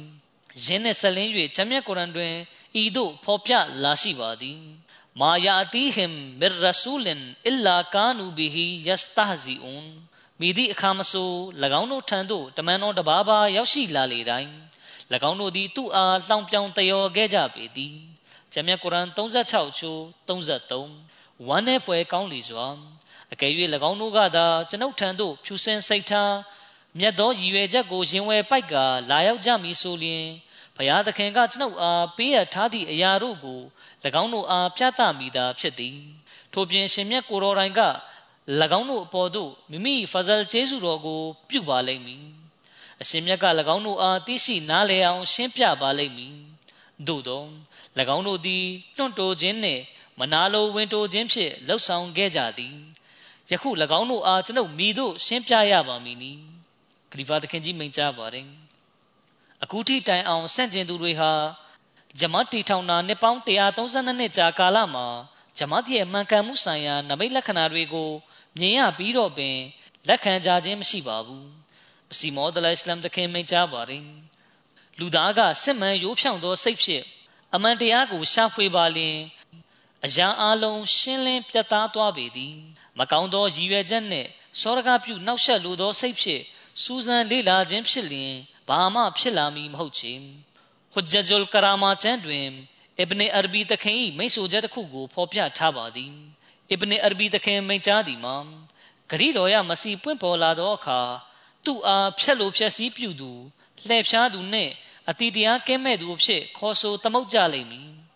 အဘယ်မျှဟုမူသူ့အားဘာသာတရားတွင် အပြောင်းလဲများပြုလုပ်သူဟုပင် ခေါ်ကြလိမ့်မည် အစ်ဘနီအာရဘီတခင်မိတ်ဆိုခဲ့သည့်အတိုင်းယခုဖြစ်ပျက်နေပေသည်အထက်ပေါ်ပြပါဆွဆွဲချက်မျိုးကျွန်ုပ်အားပြုကြသည်ထိုကဲ့သို့သောတန်တရားများမှလူသားသည်အဘဲခါတွင်လွတ်မြောက်နိုင်သည်ဆိုသောဤဒီမှာမှန်သလားမှားသလားဆိုပြီးဆုံးဖြတ်သောမိမိအတွေးထင်နှင့်တန်တရားမိသောစာအုပ်ကိုပိတ်ပစ်လိုက်သောအခါမှသာဖြစ်နိုင်လိမ့်မည်အကျဉ်သူတို့သည်ဖျားသခင်ဘက်မှလာရောက်သောတမန်တော်များကိုလက်ခံယုံကြည်ကြ၏ ထိုသူတို့သည် အကောင်းမြင်ခြင်းစိတ်ရှည်ခြင်းနှင့်ခိုင်မာစွာယက်တည်ခြင်းတို့ဖြင့်အချိန်တစ်ခုကိုစောင့်ကြသည်ထိုအခါလာရှမြတ်က၎င်းတို့ပေါ်သဘောတရားမှန်ကိုဖွင့်ချပြသတော်မူလေသည်တမန်တော်မြတ်ဆလ္လာလဟ်အလัยဟ်လက်ထက်ကတာဝကတော်များသည်ကိုရောအားမေးမြန်းတာမျိုးမလုပ်ကြဘဲကိုရောအားတစုံတစ်ယောက်ကလာရောက်မေးမြန်းခြင်းကိုစောင့်ဆိုင်နေတတ်ပြီးယင်းမှတာဝကတော်များကအကျိုးရယူခံစားတတ်ပေသည်သို့မဟုတ်ပါမူတာဝကတော်များက နာဂံတမှုဖြစ်ဥညွတ်ကာရှိနေတတ်ကြပြီးအတင့်ရဲစွာ ကိုယ်တိုင်မင်းမြန်းခြင်းမျိုးမပြုကြကြကျွန်ုပ်အမြင်ရအကောင်းဆုံးနီးလန်းမှာတမန်တော်အားရိုသေလေးစားသမှုရှိရပါမည်အချင်းသူသည်ရိုသေလေးစားမှုဆိုင်ရာနီးလန်းများကို နားမလည်ပါလျင်သေလေးစားရသောနီးလန်းကို လိုက်နာခြင်းသုံးခြင်းမရှိပါလျင်ထိုသူပျက်စီးမိအရေးကိုစိုးရင်ပါသည်ခလီဖာသခင်ကြီးမိန့်ကြားပါတယ်ဒါကိုသခင်ကြီးကမိမိစကားဝိုင်းမှာမိန့်ကြားခြင်းဖြစ်ပါတယ် အခုထိတိုင်လဲလူတွေကသခင်ကြီးရဲ့ကျမ်းစာအုပ်တွေကိုဖတ်ရှုပြီးတော့တောင်နားထောင်ရပြီးတော့တောင်သခင်ကြီးမှန်ကန်ကြောင်းတသက်အထောက်ထားတွေကိုဖတ်ရှုနားဆင်ရပြီးတော့ပင်သခင်ကြီးပေါ်ရိုးစွတ်တဲ့စကားမျိုးတွေကိုပြောကြပါတယ်မွတ်စလင်တွေကမိမိတို့ရဲ့ကံမကောင်းအကြောင်းမလားမှုကြောင့်သခင်ကြီးရဲ့မှန်ကန်မှုကိုသိရှိနားလည်အောင်လုပ်တဲ့နေရာမှာအကြောင်းမျိုးမျိုးပြကြပါတယ်ဒါပြင်ဒီမွတ်စလင်တွေဟာမိမိတို့ရဲ့ကြာဆင်းမှုကိုထောက်ရှုပြီး ဘာကြောင့်မို့ငါတို့မွတ်စလင်တို့တရလုံးကြာဆင်းနေတာလဲဆိုတာကိုမစင်စားကြပါဘူးခေတ်ကာလရဲ့ပျက်စီးမှုအခြေအနေကလည်းထောက်ပြနေသလိုတမန်တော်မြတ်ဆလ္လာလဟ်အလัยဟ်ရဲ့ကြိုတင်ဟောကိန်းတွေကလည်းပြည့်စုံလာလျက်ရှိပါတယ်ဒါဆိုရင်အ ਨੇ ဆုံးတော့ပွင့်ပေါ်လာတဲ့ဂရိတော်ရအရှင်သူမြတ်ကိုရှာဖွေမှုတော့ပြုရပါမယ်တခင်ကြီးကကျွန်ုပ်မဟုတ်ရင်လည်းအခြားတဦးကတော့လာရောက်ရမယ်အသင်တို့ရှာဖွေကြ ဒါပေမဲ့ကျွန်ုပ်ကလွယ်ပြီးအသင်တို့ဘယ်သူကိုမှတွေးရမှာမဟုတ်ဘူးလို့မိန့်ကြားထားပါတယ်မွတ်စလင်တွေဟာလောကီရေးတဲ့နစ်မြုပ်ပြီးအရာအလုံးကိုမေ့နေကြပါပြီမိတို့ဆိုစီကျွန်တော်တို့ကတော့မွတ်စလင်တွေကိုကယ်တင်နိုင်ဖို့ကြိုးစားကြရပါမယ်မစီမောဒလအစ္စလမ်တခင်ရဲ့သတင်းစကားကိုလူတိုင်းစီပို့ဆောင်ရပါမယ်သတင်းစကားပို့ဆောင်တဲ့နေရာမှာလဲမွတ်စလင်တွေထံသို့သာပို့ဆောင်ရမှာမဟုတ်ပဲလူတိုင်းထံပို့ဆောင်ရပါမယ် ဘယ်ဘာသာကိုပဲခံယူထားသူဖြစ်စေဘာသာမဲ့ပဲဖြစ်စေသခင်ကြီးရဲ့သတင်းစကားကိုပို့ဆောင်ရပါမယ်ကျွန်တော်တို့မှာလှုပ်ရှားအလုပ်တွေအများကြီးရှိပါသေးတယ်အခုဂျာမနီမှာဆိုရင်ဂျမတ်တီထောင်တာနှစ်တရာပြည့်မြောက်ခဲ့ပေမယ့်ကျွန်တော်တို့ဟာဂျာမန်လူမျိုးတွေထံသို့အစ္စလာမ်ရဲ့သတင်းစကားကိုအပြည့်အဝမပို့ဆောင်နိုင်သေးပါဘူးဒီရှုထောင့်ရလည်းမိမိတို့ကိုယ်ကိုဝေဖန်ဆန်းစစ်ဖို့လိုပါတယ်အစ္စလာမ်သတင်းစကားပို့ဆောင်ရင် တဘလစ်ပြုလုပ်ရေးနဲ့ပတ်သက်ပြီးမစီမောဒလအစ္စလာမ်တခင်မိန့်ကြားပါတယ်ယခုချိန်တွင်ကျွန်ုပ်တို့လှုပ်ဆောင်ရမည့်အရေးကြီးလုပ်ငန်းကြီးနှစ်ခုရှိပါသည်တစ်ခုမှာအာရဗ်တို့ထံသို့ဂျမတ်တီသတင်းစကားကိုဖြန့်ချီရန်ဖြစ်သည်နောက်တစ်ခုမှာဥရောပတိုက်သို့အမှန်တရားကိုအပီးတိုင်တက်သေးထူရန်ဖြစ်သည်အာရဗ်ကဘာသို့သတင်းစကားဖြန့်ချီရမည်မှာအတွင်းပိုင်းသဘောအရ၎င်းတို့သည်သတင်းစကားရရှိရန်ထိုက်တန်သောကြောင့်ဖြစ်သည်၎င်းတို့နှင့်များစွာတို့မှာ အလရှမြတ်ကဂျမတ်တစ်ခုကိုတီထောင်ထားပြီးဖြစ်ကြောင်းသိပင်သိကြမည်မဟုတ်ချေခလီဖာသခင်ကြီးမိန့်ကြားပါတယ်အခုထိလည်းအာရဗ်တဦးချင်းထံသို့ကျွန်တော်တို့ရဲ့သတင်းစကားမရောက်ရှိသေးပါဘူးအရင်ကများစွာစူးစမ်းခဲ့ကြတာမှန်ပါတယ်အခုအာရဗ်တွေထံသတင်းစကားရောက်ရှိတယ်ဆိုရင်အဲ့ဒါကစန့်ကျင်သူတွေရဲ့ရန်ပြုစန့်ကျင်မှုတွေကိုအကြောင်းခံပြီးရောက်ရှိတာဖြစ်ပါတယ်သူတို့ကမစီမောဒလစ္စလမ်တခင်ကိုပြည့်ရဲပြုလောင်ပြောင်ကြပြီး ကျွန်တော်တို့ကိုကာဒီယန်နီလို့ခေါ်ကြလျက်ကဘာလောကနဲ့ဓမ္မမဟုတ်မိမိတို့အာရဗ်လူမျိုးတွေကြားမှာကျွန်တော်တို့ကိုမိတ်ဆက်ပေးလိုက်တာဖြစ်ပါတယ်စံကျင်သူတွေကမစီမောဒလစ္စလမ်တခင်နဲ့ပတ်သက်ပြီးလောက်ကျန်ဖန်တီးထားတဲ့ပုံမြင်တွေဇလန်းတွေဆင်ပြီးဖြန့်ချီကြပါတယ်ဒီလိုအဖြစ်လူတွေထံကျွန်တော်တို့အာမဒီတွေအကြောင်းမိတ်ဆက်ပေးလိုက်တာပါပဲအကယ်၍အာရဗ်တွေထံအာမဒီယတ်နဲ့ပတ်သက်ပြီးမိတ်ဆက်စကားရောက်ရှိတယ်ဆိုရင်အဲ့ဒါကဆန့်ကျင်ဘက်ရန်သူတွေကြောင့်ပါပဲ ဒါပေမဲ့ကျွန်တော်တို့ကြောင့်အာရဗ်တွေထံဂျမတ်ရဲ့သတင်းစကားနဲ့မိတ်ဆက်စကားကောင်းစွာမရောက်ရှိသေးပါဘူးမစီမောဒလအစ္စလမ်တခင်မိန့်ကြားပါတယ်သတင်းစကားဖြန့်ချီရမည်ကကျွန်ုပ်တို့၏တာဝန်ဖြစ်သည်အကယ်၍သတင်းစကားမပို့ဆောင်လျင်ကျွန်ုပ်တို့မှာအပြစ်ရှိပေလိမ့်မည်ထိုနည်းတူဥရောပသားတို့မှလည်းရပိုင်ခွင့်ရှိသည်ကသူတို့၏အမားဖြစ်သောဖန်ဆင်းကံလူသားတဦးကိုကိုးကွယ်ရာဖြစ်ပြုလုပ်လျက် စစ်မှန်သောဖျားသခင်နှင့်ဝေးရာသို့ရောက်နေကြောင်းပေါ်လွင်ထင်ရှားလာရပေမည်၎င်းတို့သည်အမှန်တကယ်ပင်အခလဒါအီလလ်အာရဒ်မြေကြီးဘက်သို့ရိမ့်ညွတ်သွားကြ၏ဆိုသည့်အတိုင်းပင်ဖြစ်နေကြလေပြီဂျမ်မြတ်ကုရ်အာန်ခုနှစ်ချိုး189ခလီဖာသခင်ကြီးမိန့်ကြားပါတယ်ဆိုလိုတာကဥရောပသားတွေကလော်ကီရေးထဲမှာနစ်နေကြပါတယ်သူတို့ဟာလော်ကီရေးကလွဲပြီးတခြားဘာကိုမှအာယုံမဆိုင်ကြပါဘူး ကျွန်တော်တို့ထဲကတချို့လူငယ်တွေကဥရောပသားတွေရဲ့လော်ကီတိုးတက်မှုတွေကိုကြည့်ပြီးအားကျအတူယူကြပါတယ်အသင်သွားနေတဲ့ဘက်ကပျက်စီးမှုကလွဲပြီးအခြားဘာမှမဟုတ်ဘူးဆိုတာသူတို့ကိုပြောပြရမှာဖြစ်ပြီးအားကျအတူယူစရာဘာမှမလိုပါဘူးသူတို့ကိုသာသနာပြုရပါမယ်စီမောဒလအစ္စလမ်တခင်မိန့်ကြားပါတယ်ဥရောပသားတို့ကအမျိုးမျိုးသောအရာဝတ္ထုပစ္စည်းတွေကို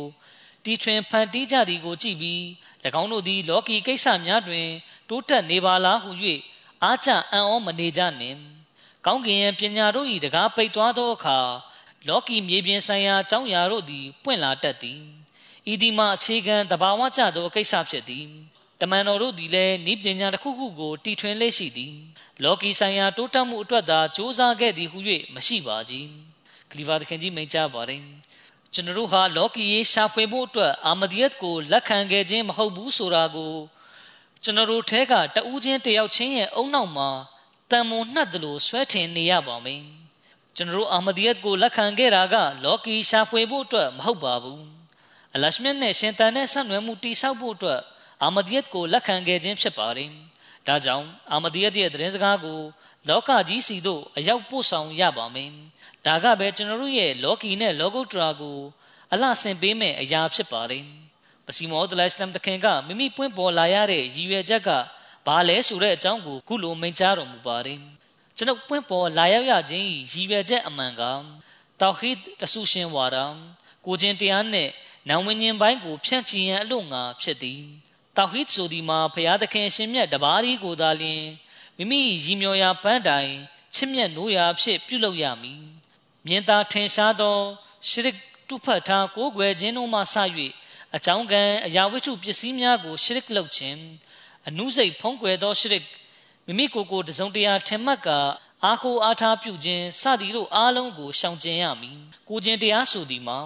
လောကသို့လူသားစတင်ရောက်ရှိလာကြတဲ့ကပါရှိပြီးဖြစ်သောစွန့်ရည်တတ္တိတို့ကိုအချင်းနှင့်အချင်းခါအားလျော်စွာအသုံးချရမည်ထို့သောမဟုတ်ဘဲအချို့စွန့်ရည်များကိုစွန့်ပယ်လိုက်တာမျိုးအချို့စွမ်းရည်များကိုအထူးပြုတွန်းအားပေးခြင်းသုံးတာမျိုး မလုပ်အပ်ချေဥပမာလက်ကိုမသုံးတော့ဘဲဖြတ်လိုက်၍ကောင်းခြင်းအလားတရားတစ်ခုခုထွက်လာနိုင်ပါမည်လို့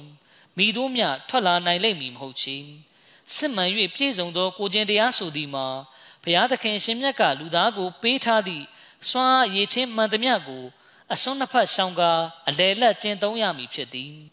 အစွန်းတစ်ဖက်မှာဥပမာလူတအုပ်တွင် အနတ်ရှူသောအာယုံကအလွန်ပြင်းထန်နေလျင်ထိုလူတွက်ထိခိုက်လိမ့်မည် တချို့ဆိုရင်အနတ်ခံအာယုံအလွန်ဆူးရောက်တဲ့အတွက်ရနတ်တစ်ခုခုကိုရတာနဲ့ခေါင်းကိုက်လာတတ်ပါတယ်အခြားအနတ်သက်တွေကြောင့်လည်းယောဂါရသွားတတ်ပါတယ်ဒါကြောင့်ယောဂါအလုံးကနေကယ်တင်ဖို့အလရှမြတ်ထံတွားဆူတောင်းရပါမယ်နံဝิญဉ်ရေးယောဂါကနေကင်းစင်ဖို့လည်းတွားဆူတောင်းရပါမယ်နောက်အစွန်းတစ်ဖက်မှာအာယုံ၅ပါးတည်းကအာယုံတစ်ခုခုစိတ်သုံးခြင်းကိုဆိုလိုပါသည်ထိုစွမ်းအားရည်ချင်းများကိုအလေလက်ကျစွာအသုံးချခြင်းဆိုသည်မှာ စွမ်းအားများကိုတင့်တင့်လျောက်ပတ်သောအခြေအနေနှင့်အချိန်ခါတွင်အသုံးပြုခြင်းကိုဆိုလိုခြင်းဖြစ်သည်ထိုဆင့်ကိုရောက်မှသာကိုကျင်တရားရည်ချင်းများကိုကိုကျင်တရားဟုခေါ်လေသည်ယင်းကိုအခြေချတိဆောက်ရန်ပင်ကျွန်ုပ်ပွင့်ပေါ်လာရောက်ရခြင်းဖြစ်သည်နံဝင်ကြီးဆိုသည်မှာဘုရားသခင်ရှင်မြတ်နှင့်ဆက်နွယ်မှုရရှိခြင်းဖြင့်ပေါ်လွင်ထင်ရှားလာသောအရေးလက္ခဏာများကိုဆိုလိုပါသည်ထိုချိန်တွေတို့လူသားထံပေါ်ပေါက်မလာပါလျင် လူသားသည်အကြောင်းအရာများကိုသိရှိနားလည်နိုင်မည်မဟုတ်ချေတကယ်ဘဝ၏ရည်ရွယ်ချက်အမှန်ကလည်းဤသည်ပင်ဖြစ်သည်ခလီဖာသခင်ကြီးမိန့်ကြားပါတယ်သခင်ကြီးတင်ပြမိန့်ကြားထားတဲ့ဒီအကြောင်းအရာတွေကကျွန်တော်တို့ကိုစစ်မှန်တဲ့မုံမင်တဝဲယုံကြည်သူဖြစ်အောင်ပြုလုပ်ပေးပါတယ်ဒီတော့ကျွန်တော်တို့အနေနဲ့မိတို့ကိုယ်ကိုဝေဖန်ဆန်းစစ်ရပါမယ်ကျွန်တော်တို့ရဲ့ရည်မှန်းချက်ပန်းတိုင်နဲ့အချစ်ရဆုံးကအလရှမြတ်ဖြစ်နေပါရဲ့လား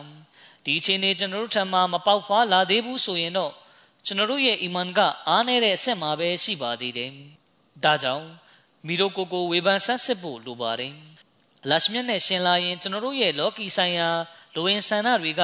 ဘာမှမပြောပလောက်တဲ့အခြေအနေမျိုးဖြစ်ရဲ့လား။ဒါကိုမိမိတို့ကိုယ်ကိုဝေဖန်ဆန်းစစ်ရပါမယ်။ကျွန်တော်တို့ထံမှာဒီလိုအခြေအနေမျိုးပေါက်ဖွားလာမှသာ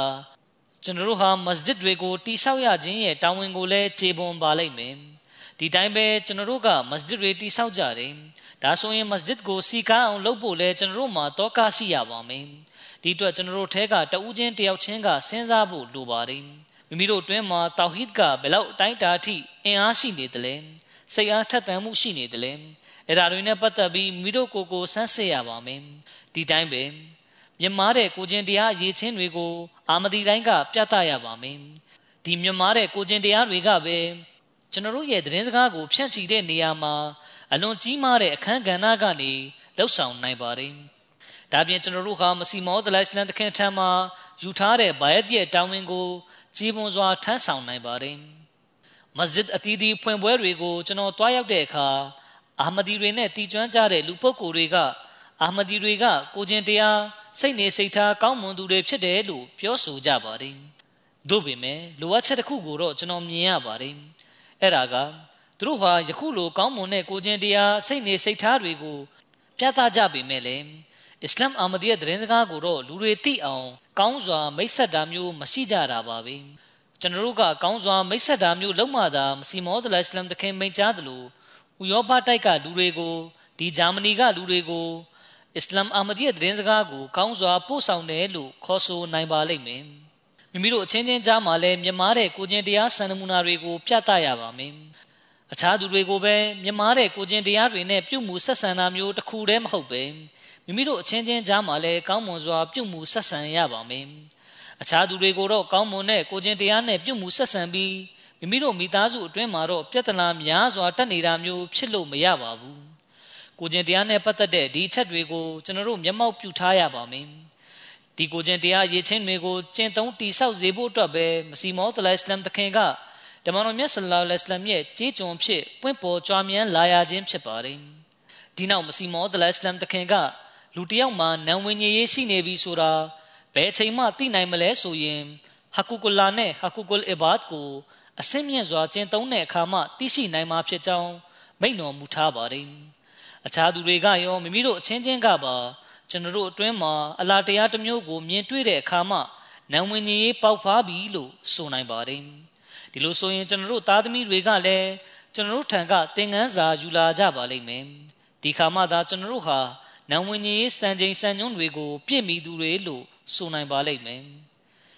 ပြီးခဲ့တဲ့ရက်တွေတုန်းကဂျာမနီအမီဆပ်ကကျွန်တော်ကို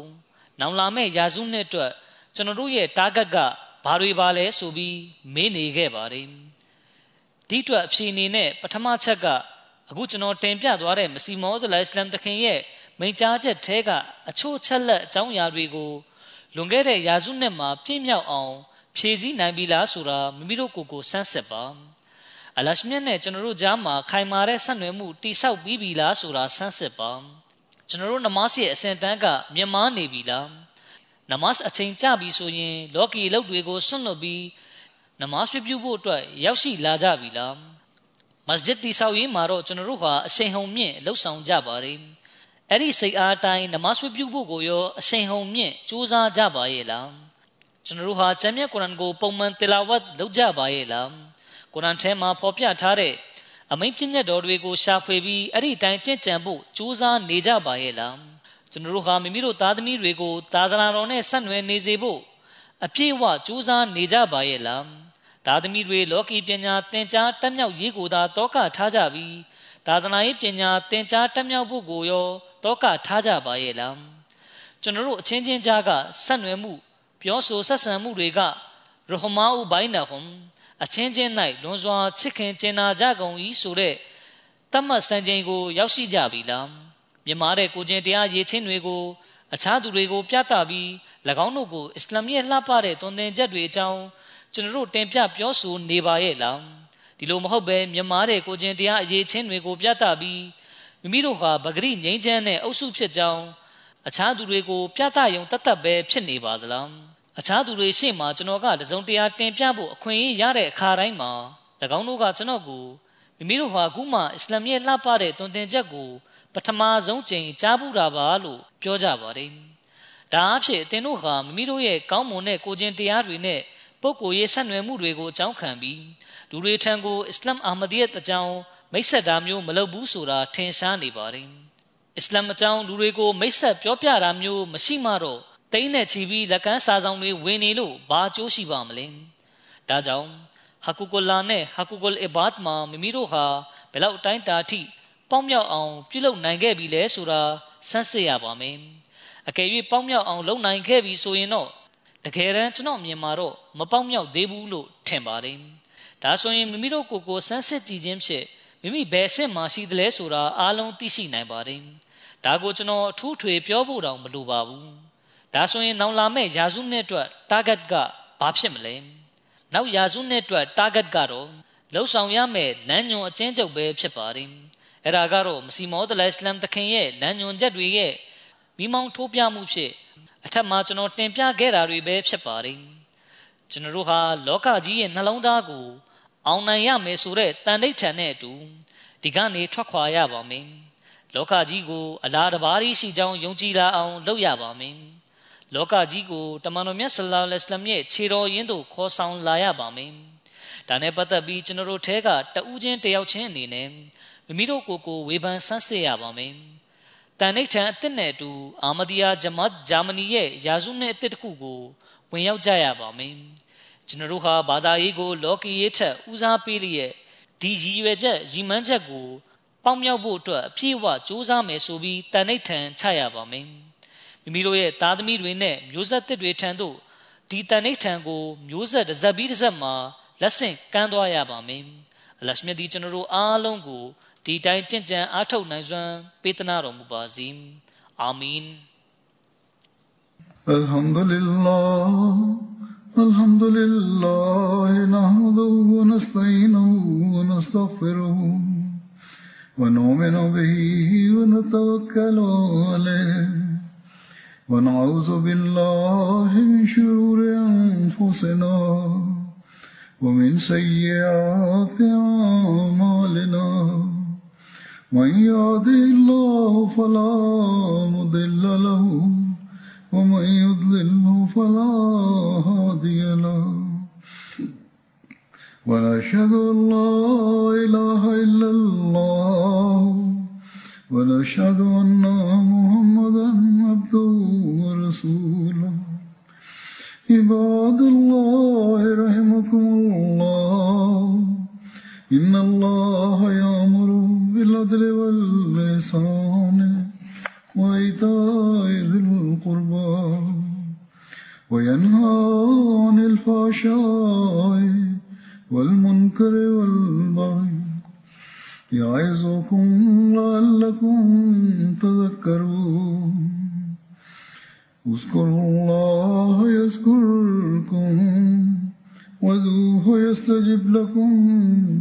ولذكر الله أكبر.